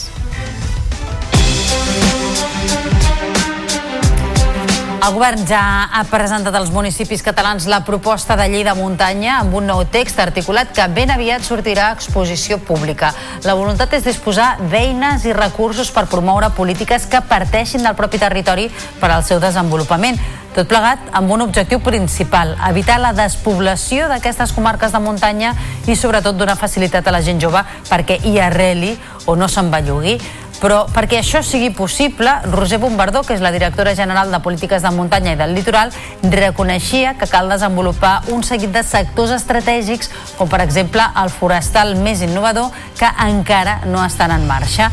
Són declaracions de fa uns minuts aquí al Notícies en xarxa encarat a, a aspectes de, de desenvolupar no? doncs, petites indústries vinculades a la bioconstrucció, entendre també la biomassa com a font d'energia per a les comunitats, pels pobles de muntanya i d'alguna manera no? doncs, estructurar aquesta, aquesta cadena productiva ens ajudaria, a part d'afrontar reptes que tenim com podrien ser el canvi climàtic, doncs també generar llocs de treball. Entre les trobades que ha mantingut ja la Generalitat la de fa pocs dies amb els municipis dels Pallars eh, Jussà, en volem parlar avui, coincidint amb el Dia Internacional de les Muntanyes, amb Jordi Navarra, que és el president del Consell d'Alcaldies del Pallars Jussà i que també és l'alcalde de Sant Esteve de la Sarga. Senyor Navarra, molt bon dia. Hola, bon dia. Vostès el que li han traslladat al govern de la Generalitat és que acceleri la tramitació d'aquesta llei de muntanya. Consideren que, que estan d'alguna manera massa lenta? Bueno, eh, més que lenta sí, potser ha tardat molt. La última, si no recordo malament, és de l'any 83, o sigui ja fa 40 anys. Sí, ja toca, ja, va, ja, ja, ja és hora de que, de que renova i que se'n que se faci una de més actual, no? Però també una cosa que, o sigui, accelerar, sí, s'ha de fer de pressa, però vull dir, és una cosa que s'ha de fer amb paciència i molt ben feta perquè és molt complexa i toca molts sectors i molts àmbits i s'ha de fer amb consciència i ben feta. Perquè si la comparem amb la que actualment hi ha en vigor, que com dèiem abans és de l'any 1983, quins diria vostès des del territori, eh? des del Pallars Jussà i com a alcalde de Sant Esteve de la Sarga, que són els principals canvis que ha d'introduir aquesta llei de foment? Bueno, els principals canvis, el primer de tot, eh, jo penso que ha de ser, i els, i els, i els companys alcaldes d'aquí de, de la comarca i alcaldeses, eh, ha de ser a, a comptar més amb la gent del territori, s'ha de tensar més a la gent que som al territori. Fins ara pues, lo que, lo que ens hem trobat molt ha sigut que les lleis o les normes o tot el que ens han tot el que ens ha vingut, a, tot el que ens ha anat arribant han sigut decisions moltes vegades preses des de, des de fora del territori i potser no tenim ben bé a compte, en compte la nostra realitat mm -hmm. i més la dels pobles més xics com tenim aquí en aquesta comarca que són pobles molt, molt... O sigui, tenim una realitat una mica desconeguda pels, pels polítics de més alt nivell o, pel, o per la gent de, de, de ciutat i, uh -huh. i això bueno, forma part del, del, del desequilibri que, que lo que hem de el que hem d'arreglar que no hi ha aquest desequilibri territorial. En el cas de municipis com el seu, quin seria el principal problema? Tenen aquesta dificultat per trobar gent jove que s'hi vulgui quedar? Actualment són poc més d'un centenar no? de, de veïns? Sí, nosaltres al nostre municipi som dels municipis, potser el que hi ha la, la, el, els habitants, men, menys habitants per, per quilòmetre quadrat, som 1,3, vull dir que són molt pocs, i, i bueno, aquí el que primerament no, que no, no, no acaba de marxar que no acabem de marxar els que hi som. I després si vol vindre algú benvingut però bueno, aquí els problemes que tenim doncs, són les comunicacions, les carreteres municipals. Tenim molts quilòmetres de carretera municipal que l'hem de mantenir l'Ajuntament. Som ajuntaments xics amb pocs recursos i hem de gastar la major part del, del pressupost en una cosa tan bàsica com en una comunicació eh, rodades i una comunicació per anar amb cotxe. Ja no parlem de noves tecnologies que això també ho necessitem i també hi estem treballant però lo que, una de les, dels problemes potser que tenim és aquest que hi ha coses que ja són tan anacròniques o tan antigues que sembla que ja que s'han de donar per fetes a tot arreu i ha puestos que encara no les tenim com serveis tan bàsics com moltes vegades són portades d'aigua comunicacions o, o hasta en algun poble de la comarca eh, encara la, no hi ha llum elèctrica déu nhi I pel que han conegut eh, fins ara d'aquest text normatiu que ha preparat la Generalitat i que aviat hauria d'estar en exposició pública, eh, donarà resposta a aquestes inquietuds, a aquestes preocupacions al territori de muntanya? Sí, tal com us ho han planteat, sí. La llei nosaltres la vam veure, o la futura llei la, la vam veure, ho vam veure bé, i, i tal com està planteat, sí, es dona, molt, es dona més veu als municipis i als consells comarcals, que això és molt important, diguéssim que es descentralitza bastant i s'atansa més a la realitat del, de, actual del, d'aquí de les nostres comarques, de les comarques de muntanya. Perquè hi ha moltes coses que fa 40 anys, home, parlem de la transició energètica mateix, no, no, no mos ho podíem ni imaginar fa 40 anys i moltes altres coses, les, les, la manera de comunicar-nos, la manera de, de viure el nostre sector, que el sector agrícola i ramader també ha canviat molt, les explotacions també es van modernitzant i van canviant i, i s'han d'actualitzar tots els nous temps. També el que parlàveu abans de la, de la, de la gestió forestal. Tenim uns boscos que fa 40 anys estaven més nets, estaven, no estava tan, tot tan, tan boscat, tan brut. Ara els boscos els tenim molt abandonats i molt, molt, o sigui, amb molta càrrega, molta càrrega combustible que poden hi ha perill de grans incendis són coses que s'han de clar, eh, que, és, que, que llavors no passaven i ara sí i s'han de tindre molt en compte Jordi Navarra, president del Consell d'Alcaldies del Pallar Jussà i també alcalde de Sant Esteve de la Sarga, gràcies per haver-nos atès avui al Notícies en xarxa. Molt bon dia. Bon dia, gràcies a vosaltres.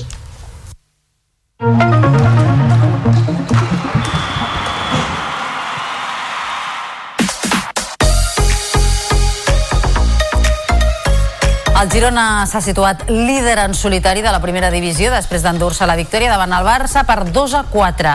Dovic, Gutiérrez, Valeri i Estuani van ser els autors dels gols blanc i vermells, mentre que les dianes del Barça, que sempre va anar a remolc en el marcador, van ser de Lewandowski i Gundogan.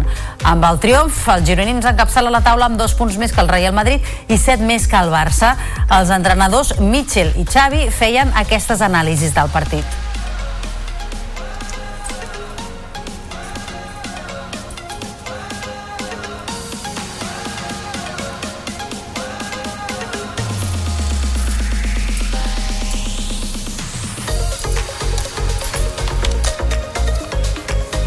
Sembla que no tenim a punt eh, aquestes declaracions de Michel i Xavi. En qualsevol cas, seguim amb més eh, qüestions esportives, explicant-vos que a la Lliga F, al llevant de les Planes, va empatar a dos a camp del Villarreal. Les de Sant Joan d'Espí van començar perdent per 2 a 0 amb els gols de Bitxo i Maria Llompart. La reacció en els darrers minuts, però, es va materialitzar en les dianes de Cristina Baudet al 92 i Jessica Martínez de Penal en el 94. L'empat posa fi a una ratxa de dues jornades sense puntuar.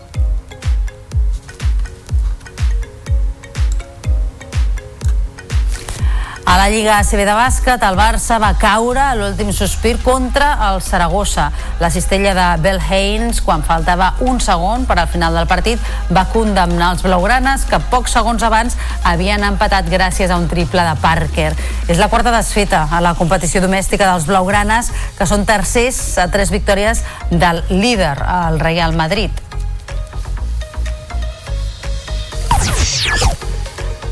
Qui sí que va fer els deures va ser el Joventut de Badalona, que continua lluitant per ser a la Copa del Rei. El conjunt verd i negre es va imposar a l'Obradoiro per 78 a 69.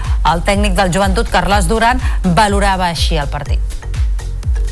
A poc a poc doncs, hem, anat, eh, hem anat creixent el partit. Crec que el treball defensiu de la segona part ha sigut totalment diferent a la primera part i crec que això ens ha donat eh, eh, molta més força crec que ofensivament encara podíem jugar una miqueta millor però eh, venim d'on venim i crec que hem d'estar contents a la Lliga Femenina, el Barça Sant Feliuenc va caure estrepitosament contra el València per 42 a 92. Les d'Isaac Fernández, molt monomades per les baixes, no van tenir cap opció davant les vigents campiones. És la quarta derrota seguida de les blaugranes, que ocupa la tretzena posició a la taula. El Palau va sumar el segon títol de campió de la Lliga Catalana Femenina d'hoquei patins. Va superar el Fraga a la final per 6 a 2 amb un pòquer de gols de Laia Juan que van completar Carla Font de Glòria i Berta Busquets. Malgrat les nombroses absències de jugadores importants per la disputa de l'europeu d'hoquei, l'equip ballesà va dominar en tot moment i no va donar opció a les aragoneses. Dissabte es reprendrà l'hoquei Lliga després de l'aturada per la competició continental de seleccions que s'ha endut l'equip espanyol.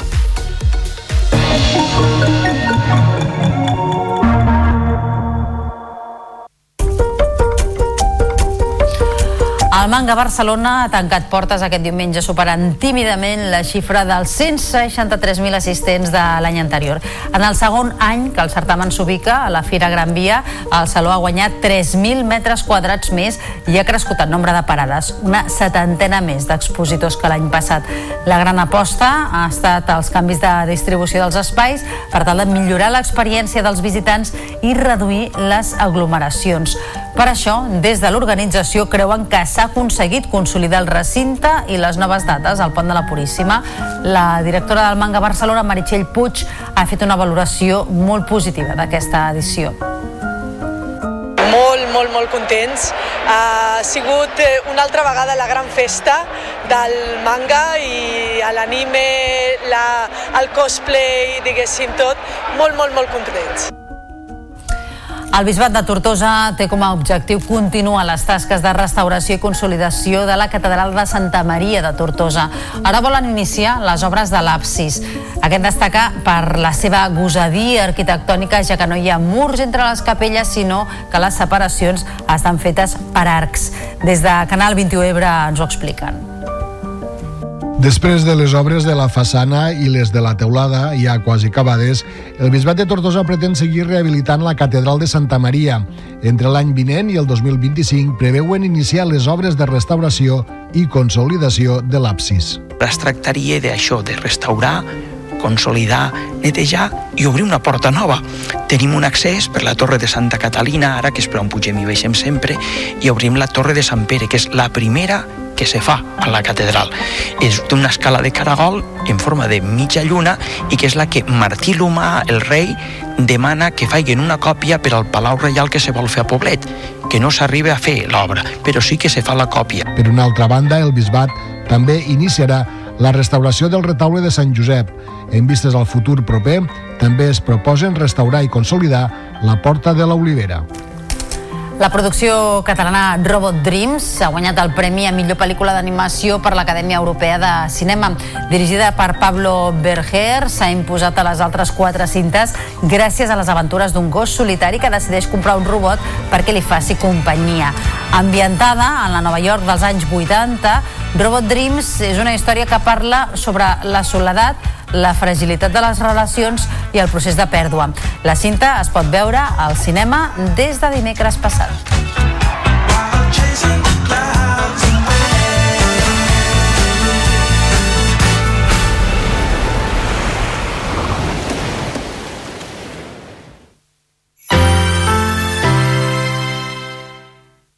La xarxa de comunicació local. Propostes en xarxa.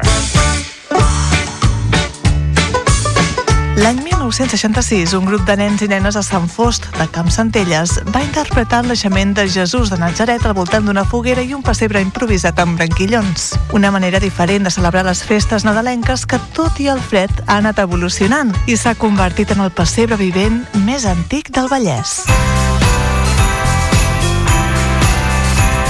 Qualsevol excusa és bona per trobar-se i a Sant Fost de Camp Centelles una de les millors és el pessebre vivent.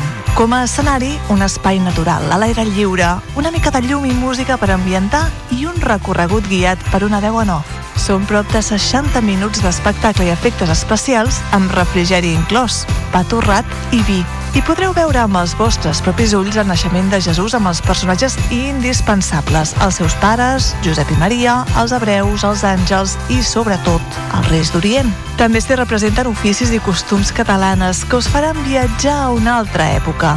També s'hi representen oficis i costums catalanes que us faran viatjar a una altra època. Llenyataires i carboners, pastors i caçadors, les rentadores de roba, el boter, el ferrer... Per cert, agafeu les entrades prèviament, amb temps, perquè l'aforament és limitat. Fins al 7 de gener podeu visitar el pessebre vivent de Sant Fost de Campsentelles. En trobareu tota la informació al web pessebrefost.cat.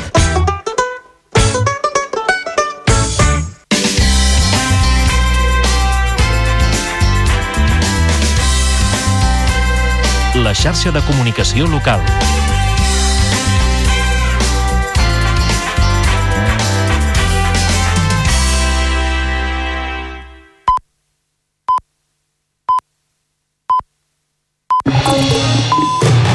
Notícies en xarxa, edició matí. Amb Taís Trujillo. Bon dia, són dos quarts de nou del matí i avui al Notícies en xarxa us estem explicant que el sector turístic català ha assolit les expectatives d'aquest pont amb ocupacions de fins al 90% a bona part del país. L'afluència de visitants s'ha concentrat sobretot a destinacions de muntanya amb l'inici de la temporada d'esquí com a gran reclam al Pirineu. Cases de turisme rural, càmpings i hotels del litoral també han obtingut bons resultats, malgrat que en, en alguns punts, com la Costa Daurada, hi havia poc més del 20% de l'oferta en funcionament. S'han incrementat també els viatges internacionals amb una activitat a l'aeroport del Prat que ha estat més d'un 15% superior a la de l'any passat. També us estem explicant que l'Organització de Consumidors recomana fer una bona planificació en les compres davant d'unes de les festes de Nadal amb els productes més cars dels darrers anys. Avançar compres i aprofitar ofertes s'apunten com a factors clau en una campanya en què s'han encarit dos de cada tres productes típics dels àpats eh, festius. I d'aquí a uns minuts parlarem amb Joan Real, que és el director del Centre de Monitoratge de la Biodiversitat a les muntanyes mediterrànies, perquè el govern està ultimant els detalls de la futura llei de muntanya que recull la singularitat d'aspectes com l'habitatge, la gestió forestal, la mobilitat i el turisme. És un articulat que preveu donar el poder de decisió al territori. Avui és el Dia Internacional de les Muntanyes. I en esports, el Girona és líder en solitari després de superar el Barça per 2 a 4 amb gols de Dobi, Gutiérrez, Valerí i Estuani. Per als blaugrana van marcar Lewandowski i Gundogan. Amb el triomf, els de Mitchell encapçalen la taula amb dos punts més que el Real Madrid i set més que el Barça. I en cultura, la 29a edició del Manga Barcelona es consolida al nou recinte de Gran Via, superant xifres de l'any passat amb més de 160.000 visitants. La gran aposta han estat els canvis de distribució dels espais per tal de millorar l'experiència dels visitants i reduir les aglomeracions. Al punt de mira del 30è aniversari hi ha l'increment de la presència d'artistes japonesos.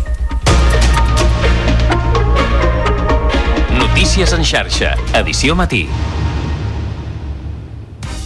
generalitzada i expectatives complertes en aquest pont de la Puríssima a gran part del sector turístic de Catalunya. Gràcies a les nevades dels últims dies i al temps hivernal, el Pirineu i la Catalunya central han estat les zones més beneficiades amb ocupacions generalitzades del 80-90% a hotels, càmpings i cases de turisme rural. És el cas, per exemple, del Pallars, on l'esquí ha estat un dels grans reclams d'aquests dies amb l'inici de temporada. Ens ho explica l'Ariadna Sánchez en aquesta crònica de Lleida TV. TV. La meteorologia ha acompanyat els primers esquiadors que, durant aquest pont de la Puríssima, han omplert l'estació d'esquí de Portainer. Tot i les previsions inicials, les condicions no han permès obrir més pistes, estrenant temporada amb tres pistes i dues cintes de debutants. Me temíem, no?, a veure com podíem arrencar i tal, i la veritat és que estem contents perquè hem pogut engegar la temporada amb les pistes prou bé, la gent ha pogut pujar i ja s'ha tret la, les ganes que tenien de començar a esquiar i la veritat és que estem contents no? i ara bueno, esperant les xifres finals de la valoració però per nosaltres tenint en compte les pistes obertes i, i tal com està la neu al Pirineu, la veritat és que estem molt contents. La bona arrencada de temporada porta el sector optimista de cara als propers mesos. Sí, no, la veritat és que la rebuda ha sigut molt bona no? per part de la gent, es nota que la gent té ganes d'esquiar perquè al final l'estació no està oberta al 100% ni molt menys, però la gent ha vingut igual i la resposta ha sigut molt bona i al final nosaltres ara esperar que nevi, no? Així, un any més, el sector té la mirada posada en la climatologia per tal de poder afrontar la nova temporada d'esquí. Una temporada que s'allargarà fins l'abril. I de la muntanya litoral, l'ocupació al Camp de Tarragona s'ha situat en torn del 80%, però cal tenir en compte que en aquestes dates s'ofereix un 22% dels serveis que estan oberts habitualment. El sector valora les dades positivament. N'informen des de Canal Reus. Aquests dies del pont de la Puríssima, el Camp de Tarragona s'ha omplert de visitants bàsicament nacionals i de proximitat, assolint una ocupació propera al 80%. Unes xifres que, si bé són similars a les dels darrers anys, exceptuant els temps de pandèmia, des del sector es valoren positivament. Jo, jo sempre recordo que si fa 25 anys enrere ens haguessin dit que al desembre teníem un 80% d'ocupació amb un 20% de l'oferta al carrer, no ens ho hauríem cregut. En aquestes dates en què no es fan estades llargues sinó escapades, els objectius dels visitants es diversifiquen. PortAventura és un atractiu indiscutible. També destaca el turisme esportiu, el que opta per visites culturals i el que es decanta pel relax, ja sigui d'interior o a la Costa Daurada. Venimos a descansar, la verdad, porque Barcelona es cansada y aquí es como, más y más ahora en esta época, ¿no? Que es como que es tranquilo todo, ¿no? Casi todo el mundo ahora aprovecha que hace frío y que hay nieve en la montaña y nosotros hacemos exactamente lo, el revés, alejarnos un poco de lo, de lo que son los, los follones de ahí. També són uns dies en què ens visiten moltes persones amb segona residència a la zona. Sovint aprofiten aquest pont per tancar la temporada i ja no tornen fins pels vols de Setmana Santa. El pont de la Puríssima també ha deixat bons registres de vendes als comerciants catalans en uns dies en què les botigues van poder obrir també el diumenge. A Terrassa, per exemple, però seguiment desigual ahir en l'obertura de comerços. Majoritàriament han estat les franquícies les que han aixecat persianes, mentre que les botigues tradicionals s'hi han resistit més. A Lleida, tot i que ahir les botigues no van obrir, durant el pont han repuntat les vendes de l'inici de la temporada de tardor i d'hivern fent que el balanç comercial dels dies festius sigui finalment positiu. Els comerciants esperen que aquest increment es mantingui fins a les festes de Nadal. I aquest Nadal els àpats familiars seran dels més cars dels darrers anys i és que els preus de més de la meitat dels productes de la cistella de la compra nadalenca estan més disparats que mai. Ho adverteix l'Organització de Consumidors que recomana una bona planificació a l'hora d'anar al mercat, avançar compres i aprofitar les ofertes. Ens ho explica la Carina Vallvé.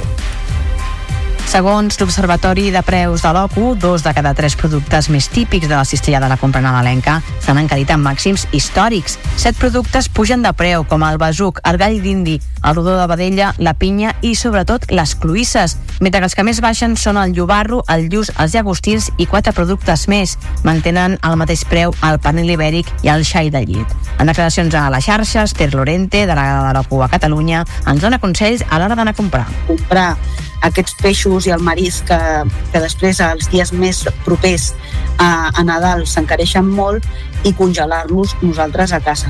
Migrar i comparar preus, anar a diferents botigues o diferents mercats eh, per, a l'hora de comprar. I després també, a lo millor, doncs, potser descartar segons quins menjars molt típics de Nadal i potser menjar d'altres que, que surtin una mica més, més econòmics. Aquesta és la primera de les tres onades d'estudis sobre l'encariment de preus per festes, amb dades d'un mes abans de Nadal, per veure l'evolució, l'OCU recollida dades després d'aquest punt de la Constitució i també els dies previs a la nit de Nadal.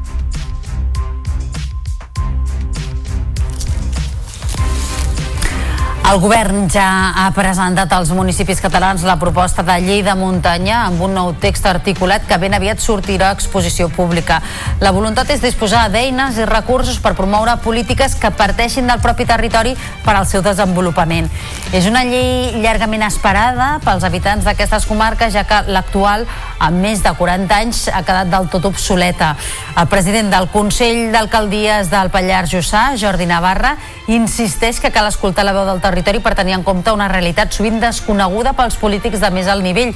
Cal posar remei sobretot al desequilibri territorial, segons que ha dit fa uns minuts en declaracions aquí al Notícies en xarxa.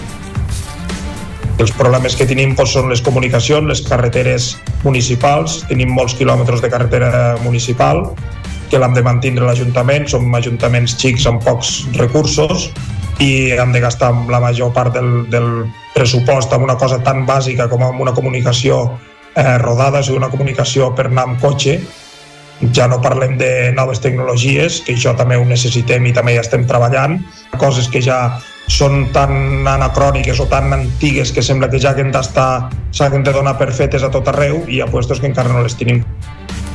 I és que justament avui és el Dia Internacional de les Muntanyes, és una jornada designada per l'ONU l'any 2003 que té com a objectiu consciència sobre la importància de les muntanyes per a la vida i per al desenvolupament sostenible. També ha de ser una bona oportunitat per promoure millores a les muntanyes i a les terres altes del món. De tot plegat, en volem parlar amb Joan Real, que és el director del Centre de Monitoratge de la Biodiversitat a les Muntanyes Mediterrànies. Senyor Real, molt bon dia. Molt bon dia. Quina diria en general, eh, si l'hem de puntuar i valorar, que és la situació de la biodiversitat a les muntanyes de Catalunya actualment?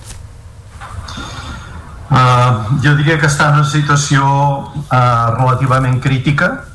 Tot depèn potser de quin tipus de muntanyes. A Catalunya podem distingir, diguéssim, el que normalment potser les persones entenen més com a muntanya, que són les zones del Pirineu, pirinenques i prepirinenques, però després hi ha totes aquestes serralades més properes al mar, les serralades que en diem prelitorals o litorals, com el Montseny, Sant Llorenç del Munt, Montserrat, el Montsant, etc.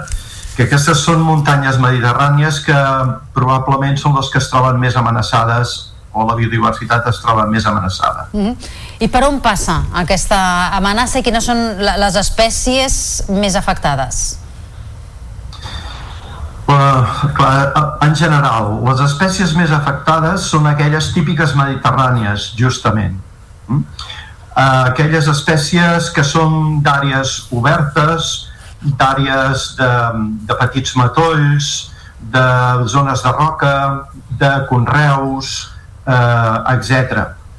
Perquè, bàsicament, sobretot, potser un dels factors que les influeix més és uh, l'abandó rural en aquestes zones de muntanya mediterrània, al llarg doncs, ja de fa moltes dècades, potser més de 50 anys, hi ha un abandó rural de les activitats agrícoles, de les agricultats sobretot eh, ramaderes, que fa que d'alguna manera paradoxalment doncs, eh, aquestes àrees obertes tendeixin a desaparèixer. I amb les àrees obertes desapareixen les seves espècies típiques, que són les espècies mediterrànies. Uh -huh. Abandonament rural d'una banda, però també eh, quin impacte està tenint el canvi climàtic i sobretot la, la sequera que hem viscut en els últims anys? Uh, la sequera no deixa de ser, almenys ara, diguéssim, un fenomen uh, puntual, esperem puntual, tot i que els escenaris que s'esperen seran encara més intensos, no? Però bàsicament la sequera que portem, que és eh, realment molt acusada, és de, de 3 anys. Um, sobretot de 3 anys.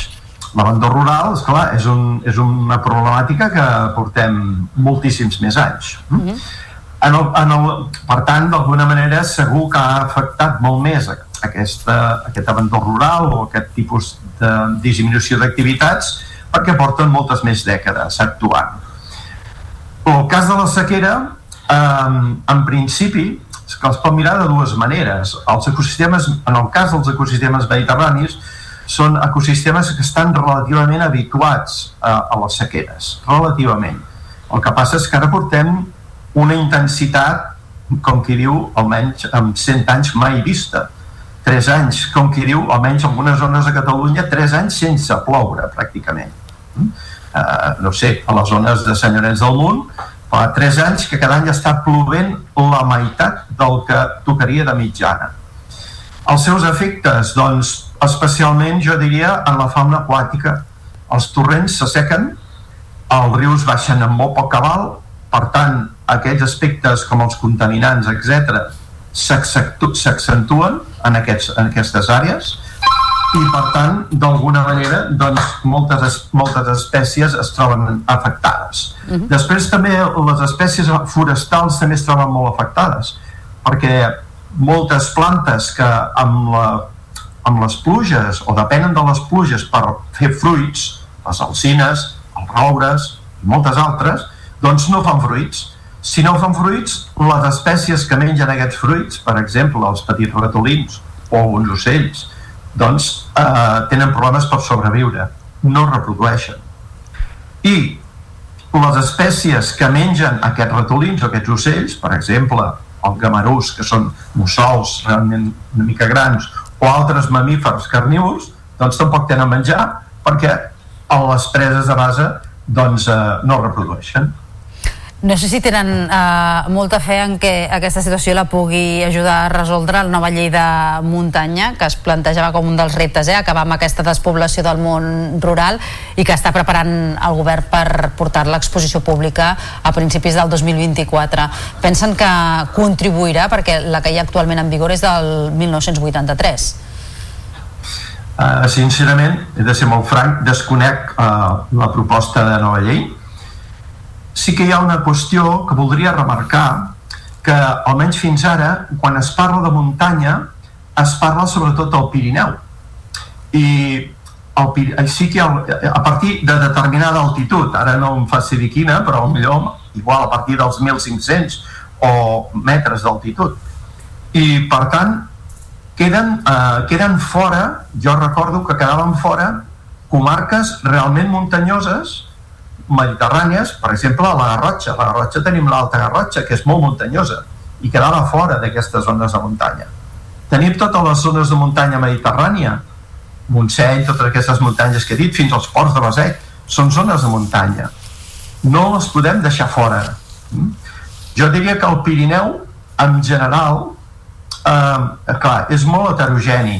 Sí que hi ha zones del Pirineu, com el Pallars, que ha tingut una gran despoblació, i hi han greus problemes, és a dir, la població allà té problemes de vida normal, quotidiana. Tenen els hospitals llunyíssim. Uh, no sé, una persona que vingui a la Vall de Cardós és igual ha de fer una hora i mitja per anar a un hospital, o una hora per anar a un cap, o una hora per anar a buscar benzina. Això no pot ser. Mm? Um, però hi ha altres zones del Pirineu que realment tenen estan en més, moltes més bones condicions. Potser el que cal és justament unificar. Però els Pirineus sempre ha tingut aquest punt de vista, diguéssim, quan diem muntanyes pensem en els Pirineus. I el que no podem deixar de banda són aquestes muntanyes mediterrànies que probablement són les que tenen més problemàtica fins i tot també d'abandó rural i, i d'estada i de bon, de bon viure de la gent.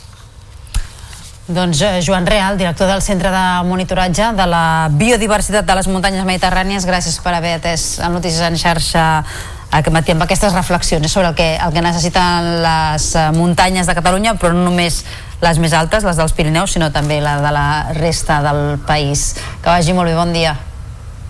Bon dia i moltes gràcies a vosaltres. Adéu. I no deixem de parlar de, de les muntanyes i sobretot del problema de la sequera i de l'aigua perquè els rius del Pirineu tindran cabals d'aigua més baixos i podrien reduir la seva aportació fins a un 15% l'any 2040 i més d'un 20% a finals de segle. Aquesta és una de les principals conclusions del projecte internacional Piragua, en el qual hi participen organismes de França, Espanya i Andorra i que dirigeix Santiago Begueria, que és investigador del CSIC, del Consell Superior Superior d'Investigacions eh, Científiques. Senyor Begria, molt bon dia. Hola, bon dia. Buenos días. Expliqui'ns eh, de quina manera i, i per quin motiu es van reduint progressivament els cabals d'aquests rius dels Pirineus. Bueno, eh, esto es una, una tendencia eh, que, ya, que ya se constata, o sea, desde los años 50 hasta la actualidad, eh, los caudales de los Pirineos, y esto es un fenómeno que se produce en, es, global en toda la cordillera, se han reducido ya un 20% ¿no? de promedio, tanto en la parte francesa como en la parte, como en la cara sur, la parte española. Y esto se debe a, varias causas, pero hay una muy importante, que ya se ha mencionado además en la entrevista anterior, que es el abandono rural. ¿eh?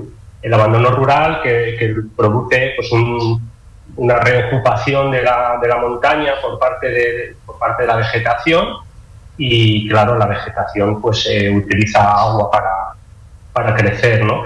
Entonces, eh, esto se une también al, cambio climático y sobre todo al calentamiento, que hace que las estaciones de crecimiento en la montaña eh, pues sean más prolongadas, ¿no?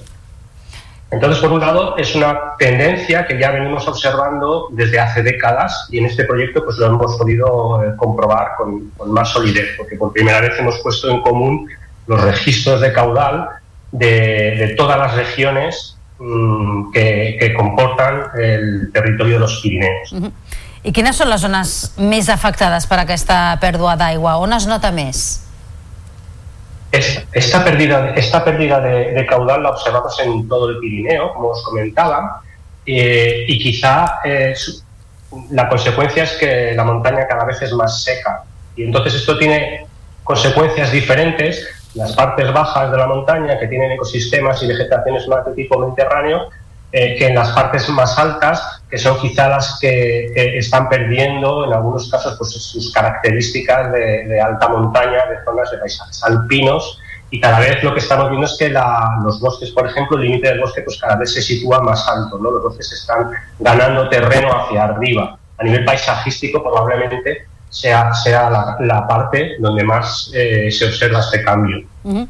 I és un impacte negatiu a tots els nivells? No hi ha cap eh, aspecte positiu d'aquest canvi paisatgístic? Claro, bueno, a nivel, a nivel paisajístico, eh, eh, bueno, el cambio es positivo en algunos sectores, en algunos, en algunas, eh, si nos fijamos, por ejemplo, eh, en algunos indicadores como la captura de carbono, Eh, pero en este proyecto en concreto nos hemos eh, orientado, nos hemos enfocado en los recursos hídricos, ¿no? en la generación de, recursos de agua que puede luego ser utilizada eh, por las sociedades humanas y en este sentido el impacto, el impacto es negativo. Y además lo que esperamos en las proyecciones hacia el futuro que hemos realizado pues es que se vaya acentuando este impacto negativo. Santiago Begueria, investigador del CSIC, gràcies per haver-nos atès al Notícies en xarxa avui per parlar-nos d'aquest projecte Piragua. Molt bon dia, fins a la propera. Vale, bon dia, moltes gràcies.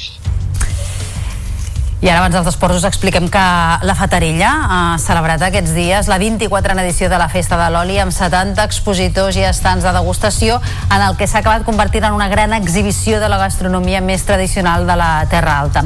Ens amplia aquesta informació en Joan Bericat des de Canal 21 Ebre. Un any més, la gastronomia local ha estat el plat principal d'aquesta festa de l'oli. Degustacions com la de la clotxa, un pa de pagès ple de tomàquet, botifarra i sardina o les diferents tapes elaborades pels bars del poble han acompanyat el plat principal de la festa els millors olis i vins de la Terra Alta. Durant tota la festa també s'han realitzat diferents actes culturals, com les visites guiades als antics molins o al nucli antic. L'oci i l'esport tampoc s'han quedat enrere, ja que a la programació s'han inclòs diferents carreres i marxes a peu o en BTT, i cada nit grups i disjòqueis tancaven les jornades amb música. L'alcalde de la Fatarella, Jordi Rius, també ha fet una valoració molt positiva. Estem molt contents perquè, bueno, d'alguna manera podem donar a conèixer a molta gent del poble, però també sobretot a gent de fora que ens ve a visitar, els atractius culturals i turístics del poble i el producte per excel·lència que és estoli d'oliva nou de la collita 2023 que segons diuen els entesos pues, ha sortit molt bo. Així han acabat, doncs, unes festes que un any més reivindiquen l'esforç i la dedicació de la pagesia, amb actes que la dignifiquen i la visibilitzen.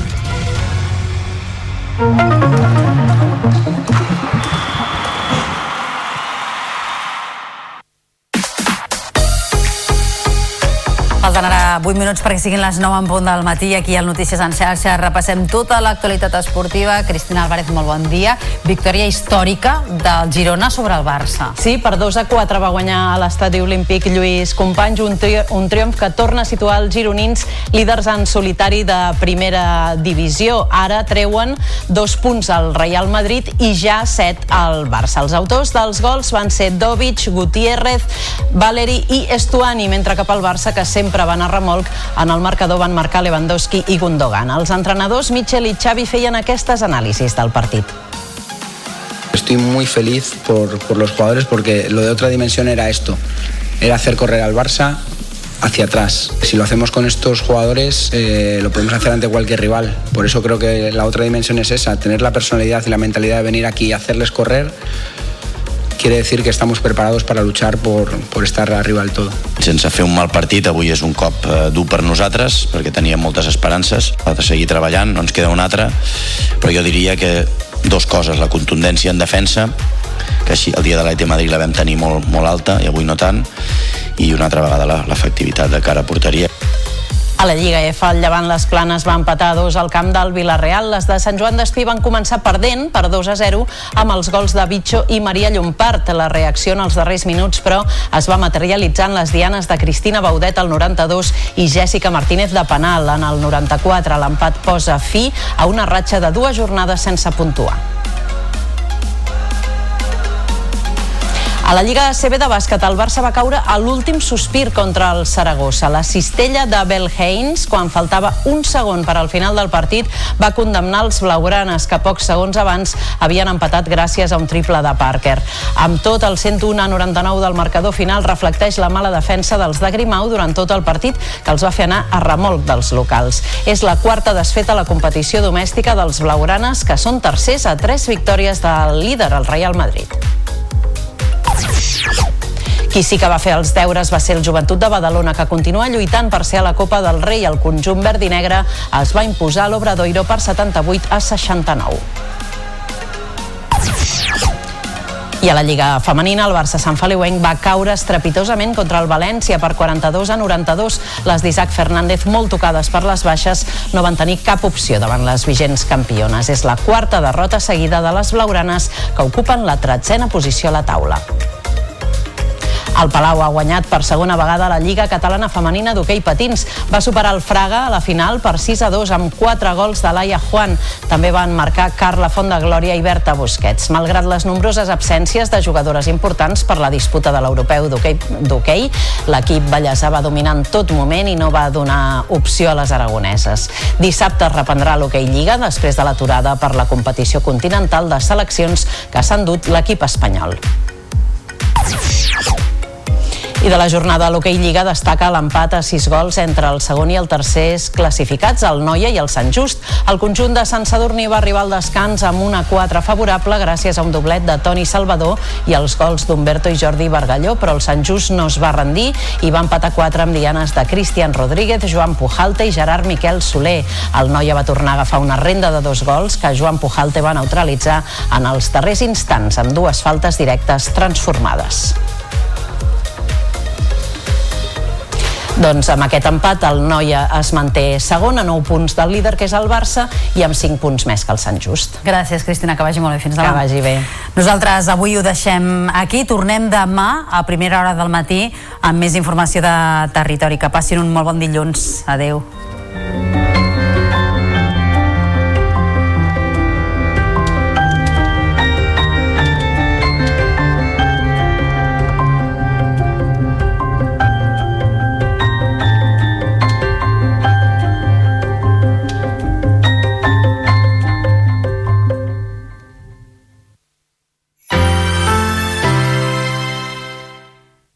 La xarxa de comunicació local.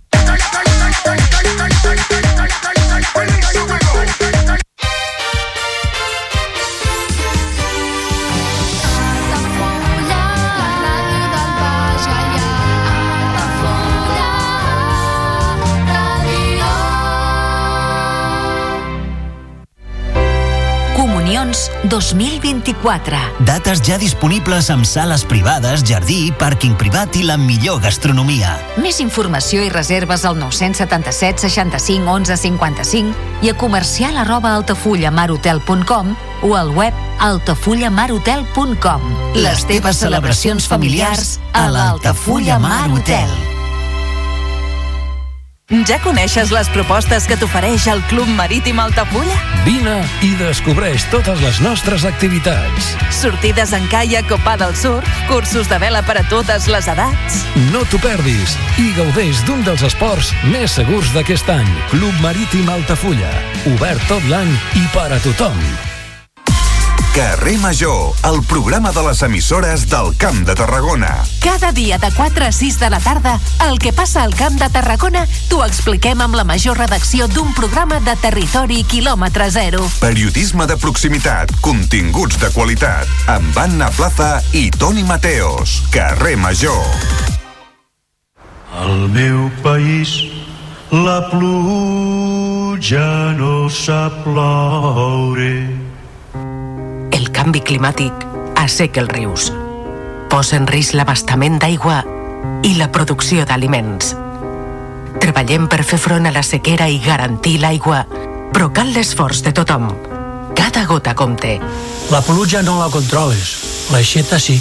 Generalitat de Catalunya, sempre endavant.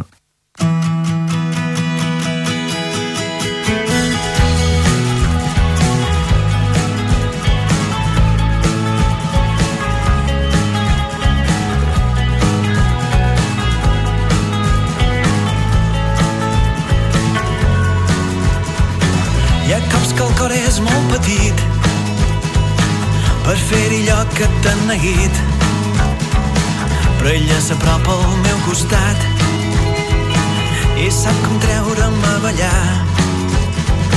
Hi ha cops que em deixen ben ferit hi ha cops que em quedaria al llit. Però ella sap fer-me bellugar. Tot d'una estem els dos ballant